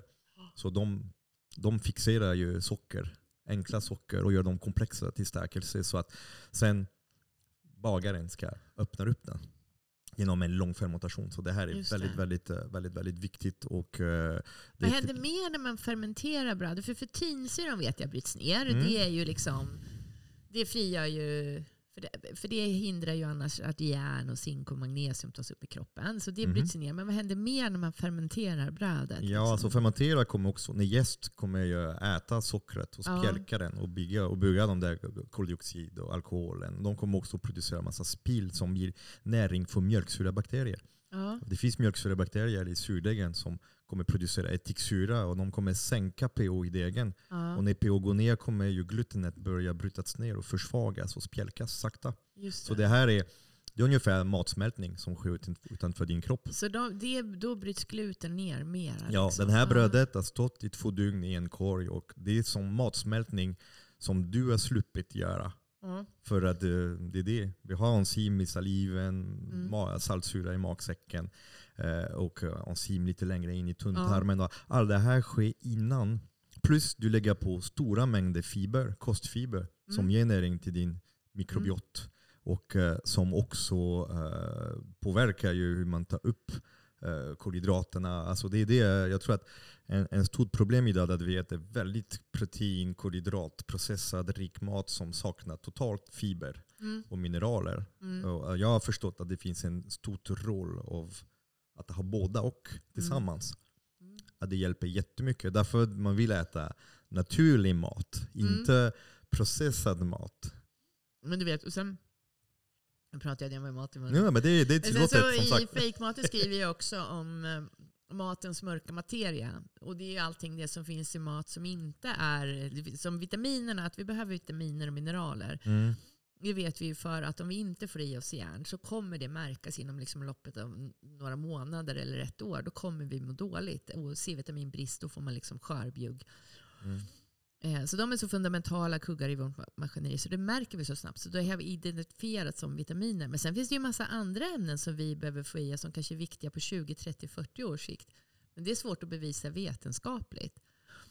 Men det finns ju, i en vitlök finns det 2300 olika kemiska substanser. Jaså. Ja, och så, och, och, och, jag menar, de röda ämnena är röda frukter. Det finns något som heter elaginsyra som har, i provrörsförsök har sett liksom hämmar cancercellers tillväxt och sådär. Och nu äter vi, tar vi plötsligt bort alla hallon ur maten och har bara hallonarom istället. Och då får vi ju inte i oss de där viktiga ämnena. Mm.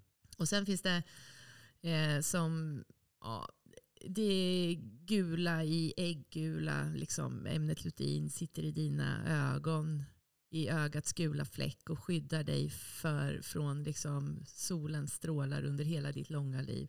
Så har du mycket lutein i blodet så kan man koppla det till en lägre risk för gråstarr senare i livet och lägre risk för såna här um, makuladegeneration heter det, det gula fläcken bryts ner som är en vanlig orsak till blindhet hos äldre. Så det finns ju så mycket mer i riktig mat som vår kropp behöver få i oss. Massa ämnen som vi egentligen faktiskt inte ens har koll på idag. Och det här är också ett skäl till att äta just naturlig mat. För jag önskar att man kunde banka in mycket mer ödmjukhet i alla de här som tvärsäkert säger ja du kan äta det här och det här är bra. Liksom. Men jag känner nej, men vi vet ju inte ens allting det vår kropp behöver ännu. Men vi vet att det finns mängder av ämnen i maten som inte finns med i våra kostråd som kreatin och lutein. Du vet bröstmjölk som man kan tänka är någon slags optimerat föda för växande människor. Ja, den är designad för det. Ja men du vet det innehåller ju, jag såg någonstans, alltså jag har inte hittat tillbaka till det, men jag tror att man hittade typ 5000 olika ämnen i bröstmjölk. Och varför skulle det finnas så mycket där liksom, om det inte var för att vår kropp behöver det? Mm.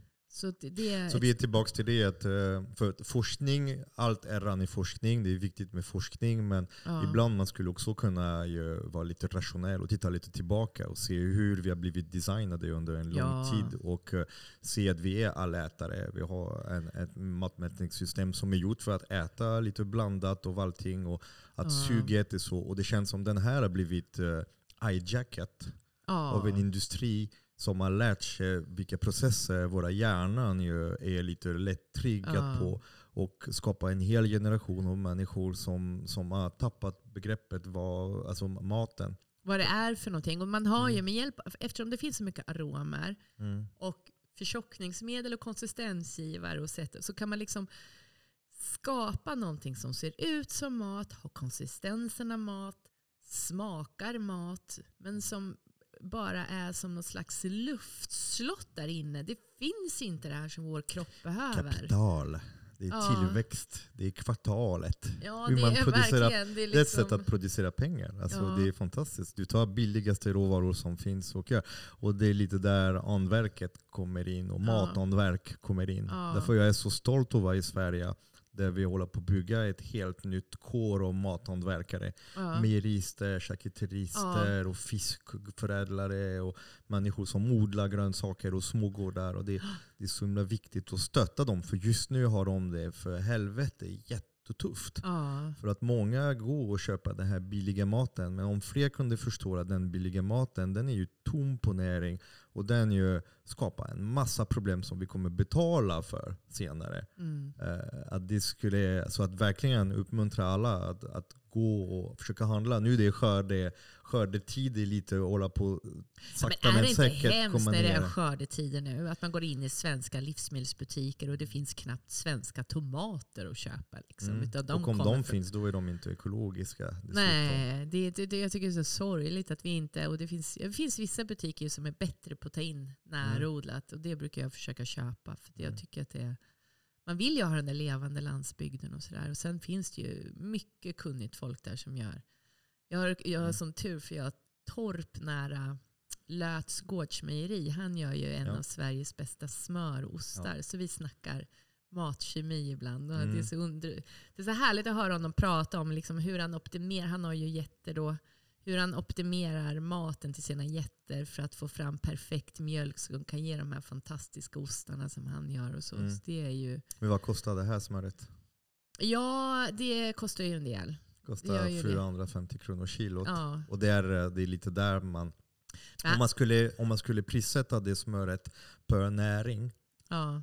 den skulle ha en helt annan prislapp än vad den har idag för den som är tom på näring. Så Ja. det är det. Vad mät, vad, vad, hur mäter man alltså värde av ett livsmedel? Är det ju mängden eller mängd luft som är i? Är det, det är ju hur mycket näring min kropp Ja. kan ta upp? Hur mycket smakupplevelser jag kan få? Och hur jag bidrar till den jorden, den vattnet, den jordbruket, den platsen som är mitt land, där Ja. jag bor, som är min framtid. ja, nej men verkligen. Skulle göra sån här se det mycket Systembolaget vikt- grej ja. med såna här sura, sötma grejer med den här, de där grejerna. Jag såg att Coop hade börjat med det på vissa produkter. Ja. De har en liten hjul med alltså hållbarhet och mångfald och övergödning och, och så här. Men jag märkte att de använde inte det för sina godis på, på kexchoklad och ma- Marabou, Marabou-kaka. Eh, de vågar inte för den skulle, alla, alla levels skulle vara röda. Ja. Hur, hur gör vi? Vad kan vi göra åt det?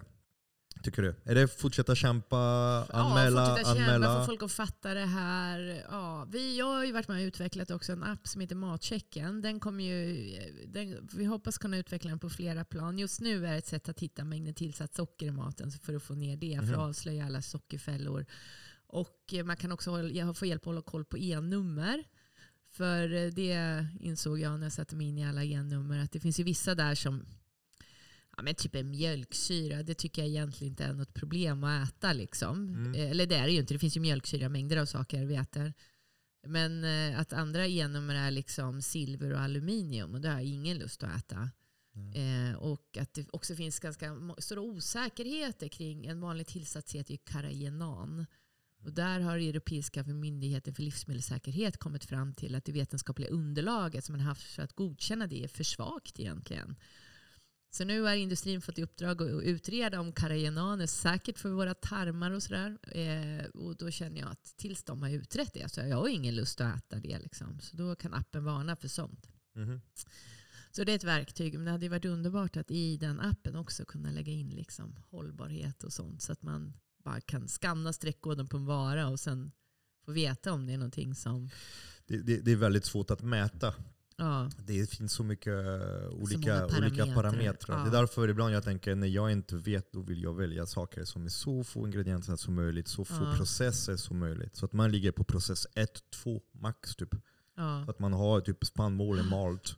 Så att ägget Och då- är ju bara precis. vispat och, och stekt. Alltså att det, att det är, så fort man börjar gå in i det, i kemin, att man börjar bryta molekylen, raffinera. Ja. På tal om socker, ja, eh, det finns något som heter stevia som har blivit väldigt stort, som används flitigt av stora Ja. läskföretag.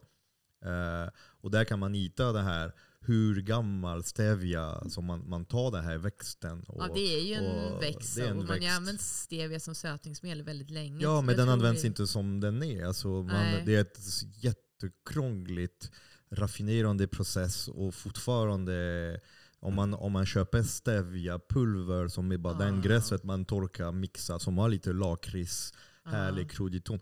Är det om man köper den här stevia-extrakt som man använder. Alltså det blir en helt annan produkt men samtidigt äter fortfarande stevia.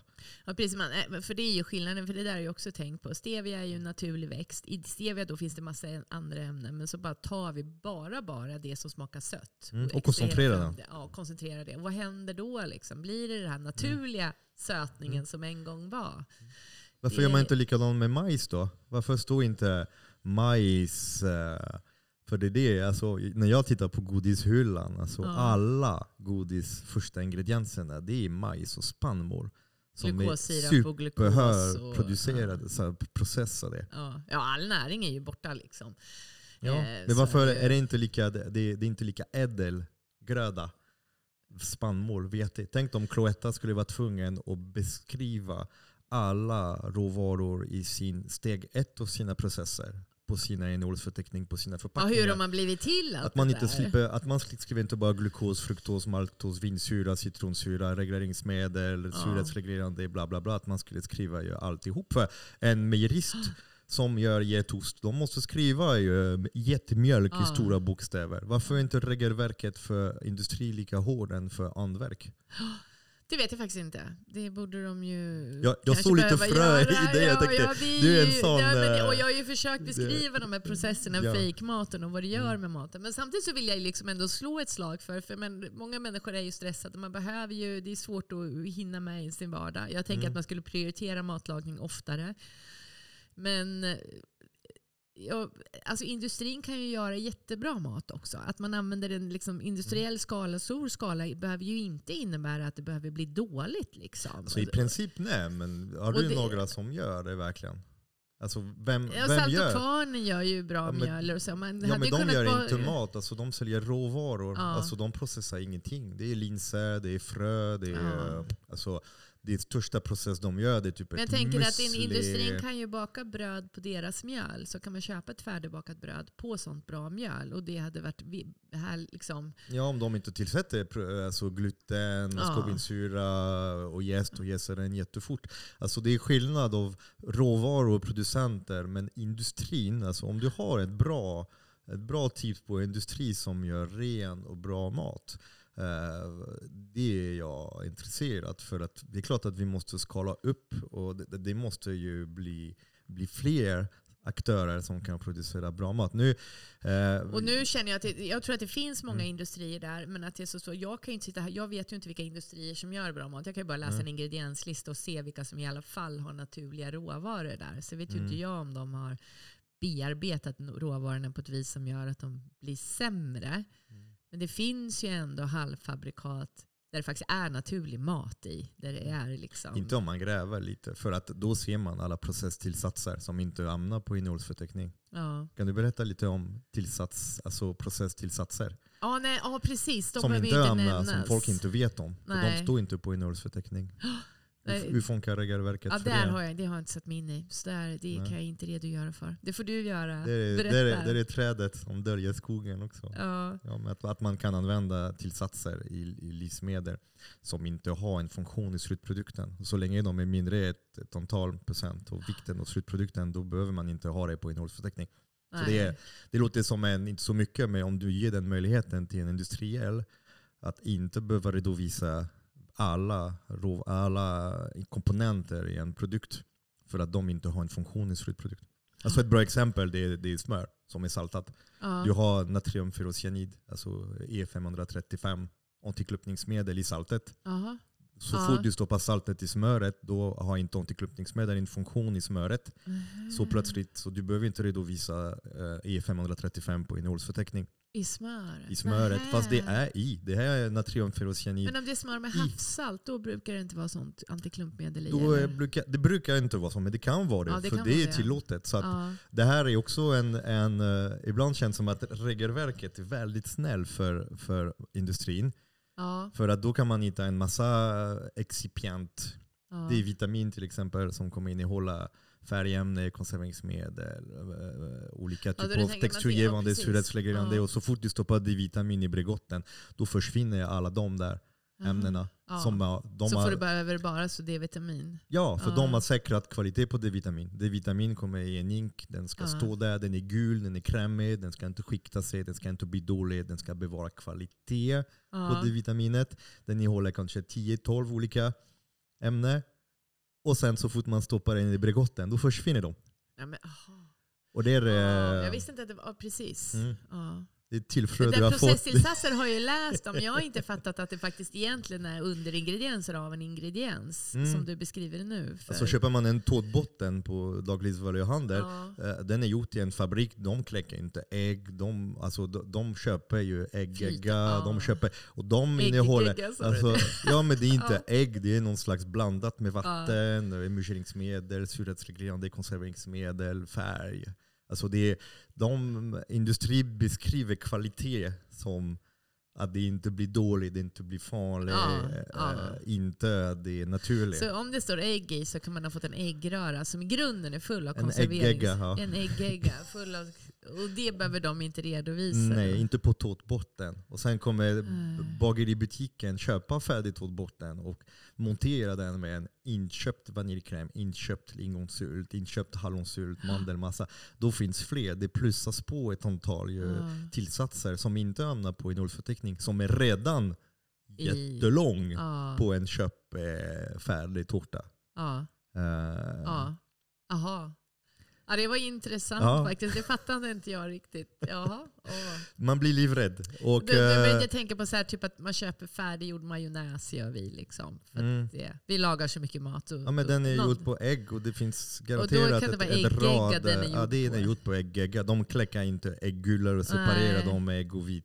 Alltså, Jag tänker ägg är så hållbart i sig att man inte behöver göra det till en ägggegga. Men det kanske man behöver då. Mm, ja, men så Ja. fort du går in i en industriell process, då Ja. stoppar 30 000 kycklingar, äh, värpörnor tillsammans. Och äh, då måste man ju, för äggindustri är- byggt på också att man stoppar väldigt många djur tillsammans. Och Ja. sen att ägget är en rad, en del av äggen som inte passar scanning. Ja. De röntgas, alla ägg röntgas. Aha. Idag du kommer aldrig se en, en Så gör man äggägg av det som... Blod, ja, de så 30% av äggproduktion går till industrin. Det är därför man, man gynnar den industrin och kallar ägg för ägg. Och, och, och, och sen ska de äggen hålla länge. Fast Ja. de har ju blodspår, de har sprickor på skalet och inte godkänt som hamnar på en- Aha. på Och försäljning då kör man i lite ägg. konserveringsmedel. Så... ja, textur, allt som kommer Ja. ju bevara kvalitet för det blir en råvara. Och då vill man ju veta vad det är för konserveringsmedel. Jag för typ mjölksyra är ett konserveringsmedel och det Mm. har jag inget problem Alltså jag kan ju tänka så här, eh, lite pragmatiskt, att ska man producera mat till hela jordens befolkning så måste man göra den lite mer hållbar. Så är det lite mjölksyra i min rökta lax för att den ska hålla lite längre. Mm. Då, då gör inte det något med mig. Nej, för nej, mjölksyra är helt fine för mig. Det är ju ett E-nummer. Men sen finns det ju konserveringsmedel som verkligen inte är naturliga. Och Mm. Nitrit. s- Ja, ja Om du har nitrit i din lax tror jag inte att din mage blir lika glad. Nej, nej Om det är mjölksyra. precis. Och, då, och där är det, spelar det ju roll vad det är för konserveringsmedel liksom, för mig. Mm. När jag väljer mat. Men då kan jag ju inte ens se det då menar du? Med konserveringen av ägg där.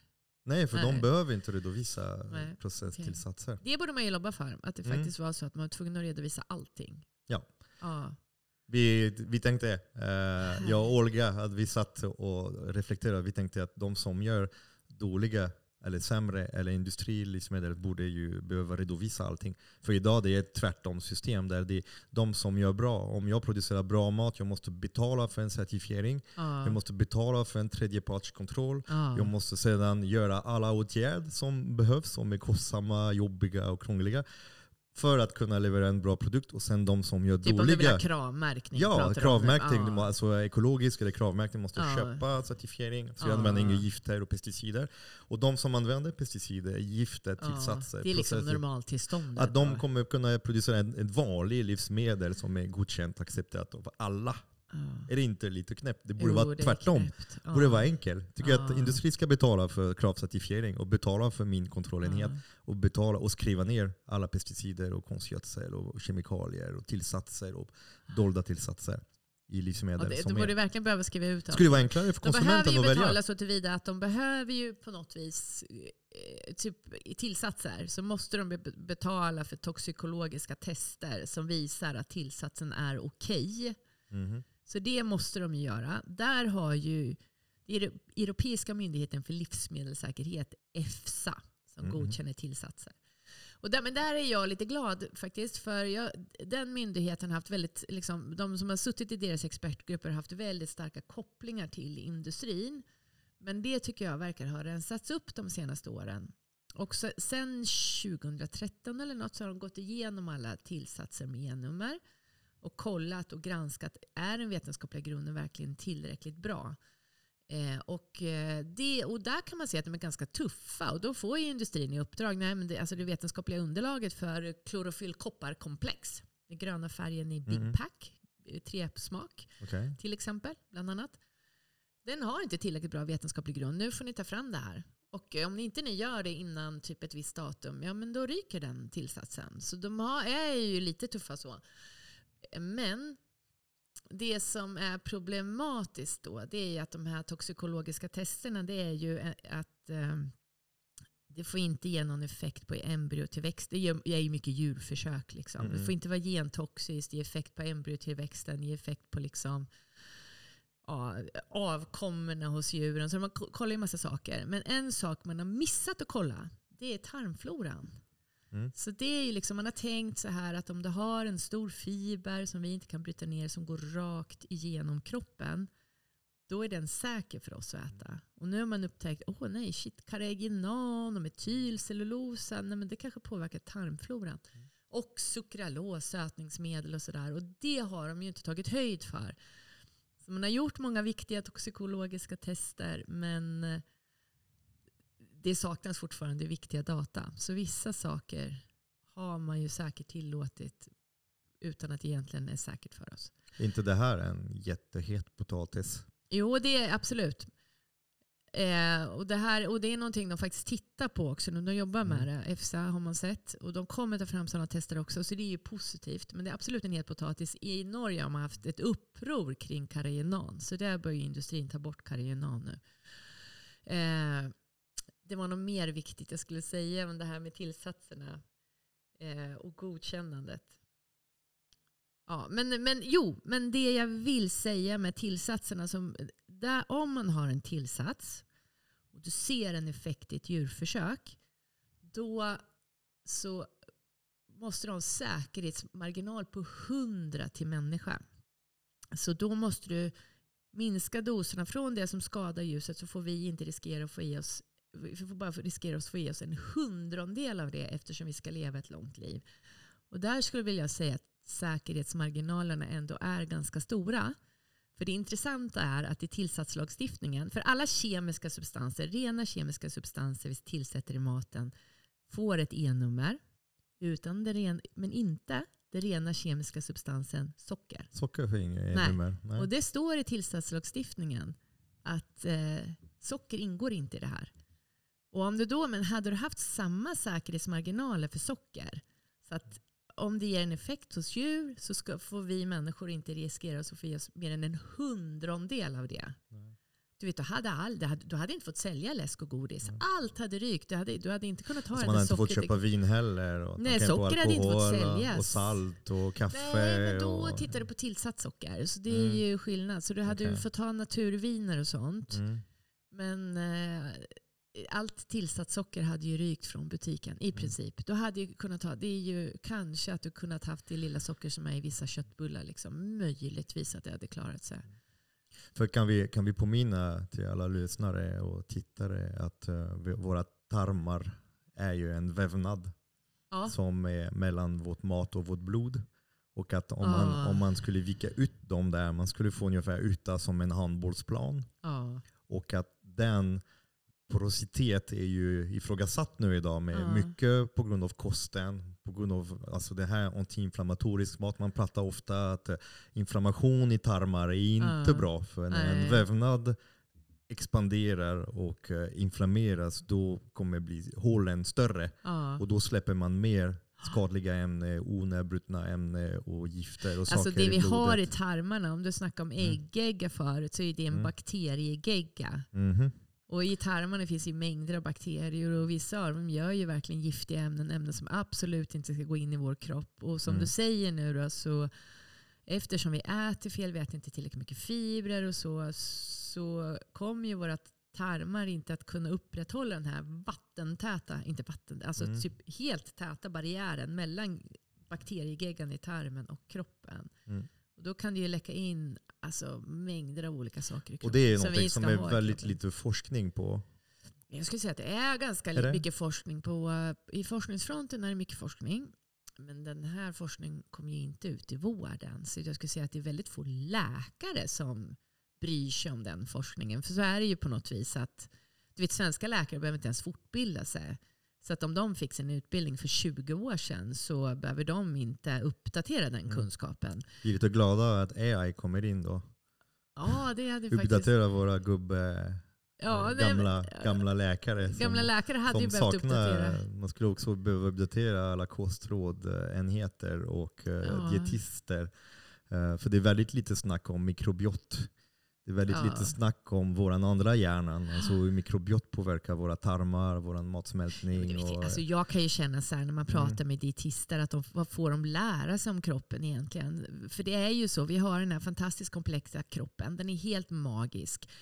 Och sen när man en gång satte våra första kostråd, så bland alla de tiotusentals molekyler vi har i kroppen, så utsåg man en molekyl.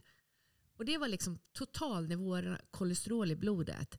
Den lilla molekylen skulle typ styra allting kring hur vår mat, vad vi fick äta.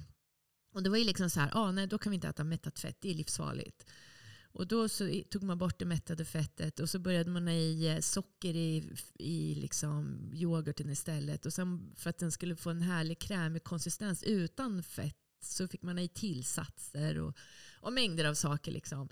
Och så känner jag så här, men alltså kan inte se att vi har ett väldigt mycket mer komplext system in, inom oss och att eh, vi ju liksom behöver ta hänsyn till hela det systemet när vi ger kostråd. Att Mm. vi är ju liksom inte...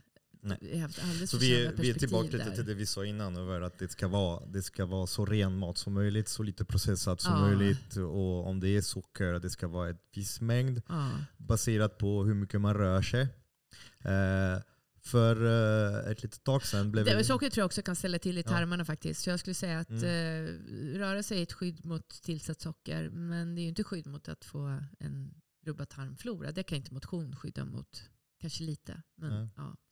Jag ser alla som tränar där ute som äter så mycket processat socker och pulver och Ja. konstiga geléer och grejer för att kunna prestera och orka.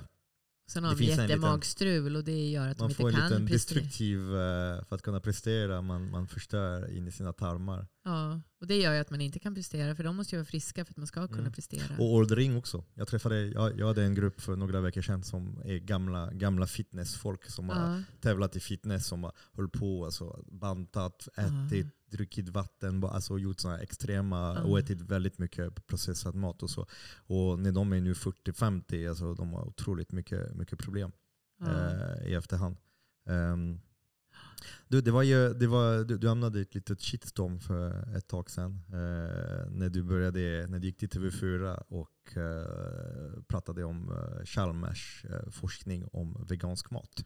Ja, det var nog precis. Det var inte bara Chalmers forskning Mm, utan nej. vegansk mat överhuvudtaget. Var det- liksom, var det att den är så Mm. näringsfattig. Men absolut att Chalmers forskning var, de har ju visat att eh, det är så mycket futinsyra och sånt. Det känns som att alltså, alla åren du har pratat om socker, det, det har varit en liten samhällsdebatt och sådär, men det är inte så jättemycket. Men det, det kändes som att just då, när man började röra och pilla på växtbaserad mat och Ja. den helt nya industri som håller på att komma fram, att det blev som en liten hömpunkt där det började engagera jätte, jättemånga. Hur kan man förklara att det finns så mycket engagemang på äta djur, inte äta djur, näring i vegansk mat eller inte, kontra att alla äter så sjukt mycket processat socker och industri lura och fuska hej och hå.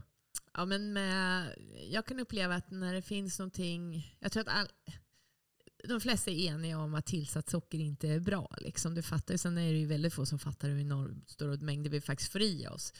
Men när det gäller rött kött så är det ju det är så förknippat med liksom eh, någon slags... Ja, men dels är det klimatet och det vill jag säga, jag är skitorolig för vårt klimat. Liksom. Och vi behöver ju göra allting för att bromsa den här liksom, uppvärmningen av jorden.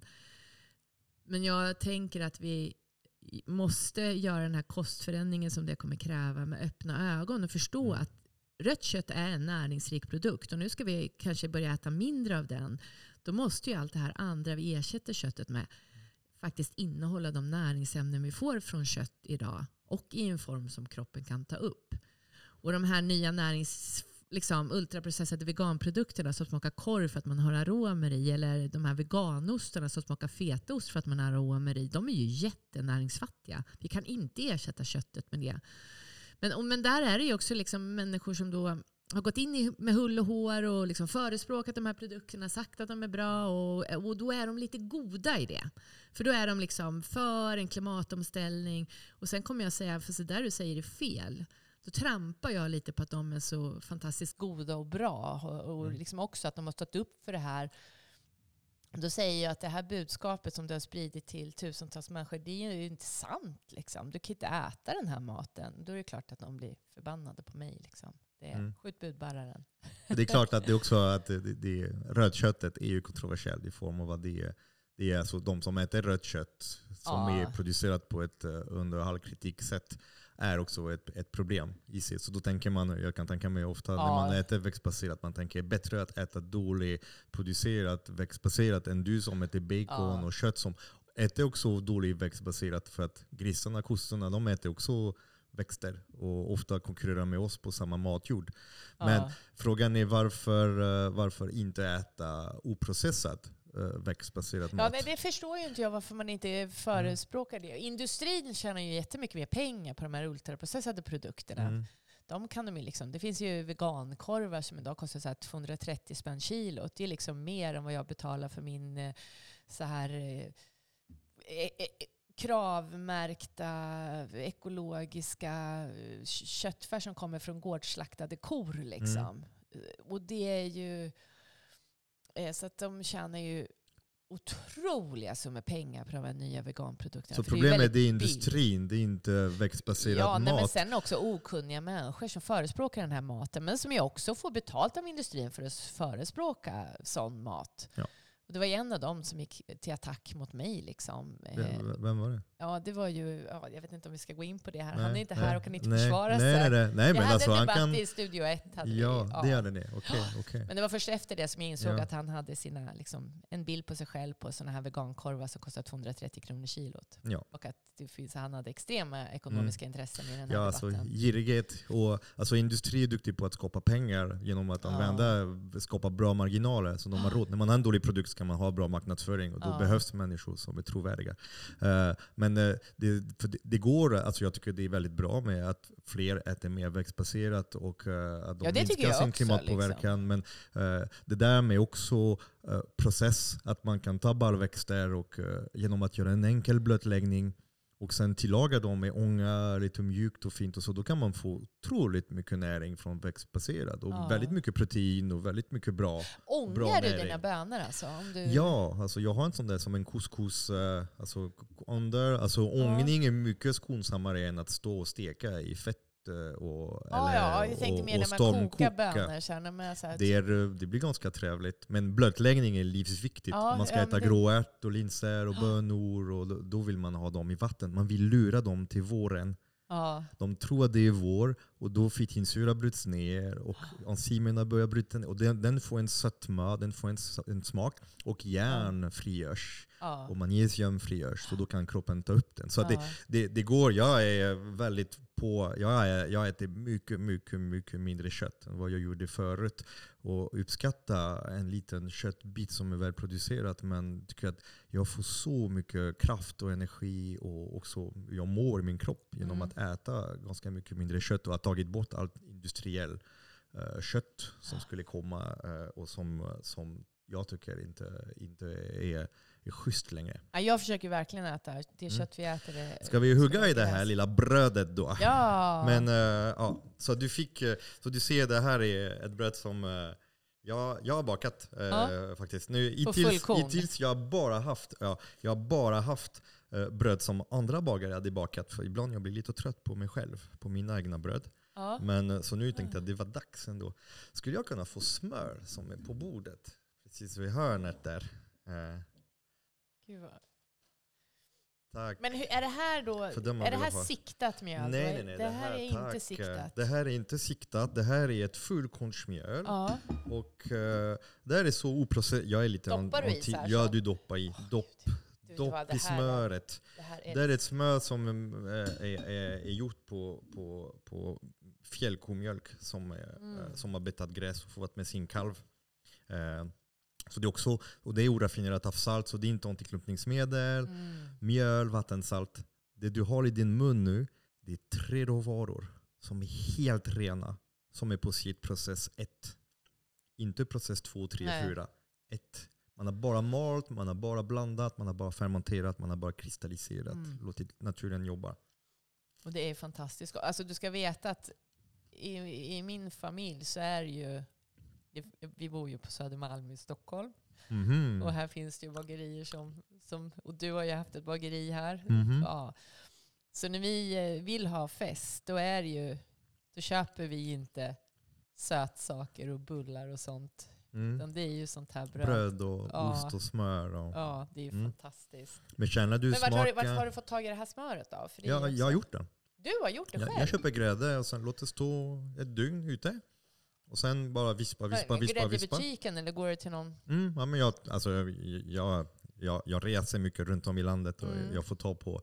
Eh, och drömmen är att de där produkterna skulle finnas i livsmedelsbutikerna. Men det är, det är inte lätt. Jag tycker att vi måste börja med att informera, att fler lär sig, fler engagerar sig, fler bryr sig och stötta de där producenterna. För det går att göra eh, på, på det sättet. Och det, blir, det, är, det är dyrare men man får så mycket mer för pengarna. Ja.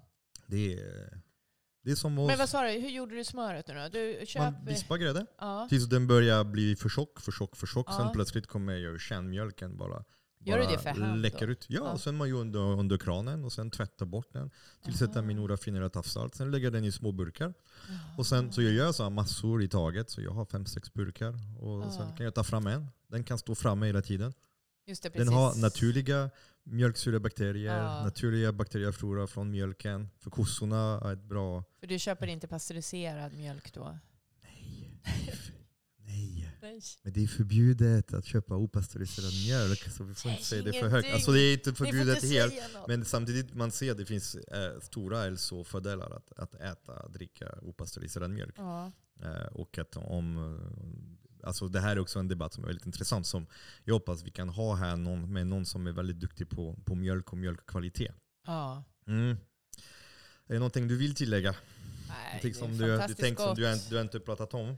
Som Ja, du ville, Jag tänkte fråga, får jag ta hem det här? du, du får ta hem den. Det är min present till dig. Som tack för att du har tagit dig tid att vara med här. Eh, ni får jättegärna kommentera, skriva vad ni tycker om avsnittet, om vad vi har tagit upp för punkter. Eh, det här är en debattplats där vi kan ju skapa dialog, kunskap, men också alltså, prata klarspråk. Eh, glöm inte att likea, tummen upp, det är så det funkar om fler ska kunna få titta på det här. Och eh, gärna uh, följ uh, Youtube-kanalen eller den här poddavsnittet. Och tänk på att på Youtube finns massa extra material som till exempel hur man startar en surdeg eller hur man gör sin första deg och vilket mjöl man ska välja och vad fan är kulturspannmål? Ja. Så det borde alla veta. Tack för att jag fick vara med. Tack, Ann. Jättekul. Tack så mycket och fortsätt kampen mot fusk. Ja, Mot vi, fusk, är- mot vi, är, vi är soldater i den. Tack så mycket. Tack. Mm.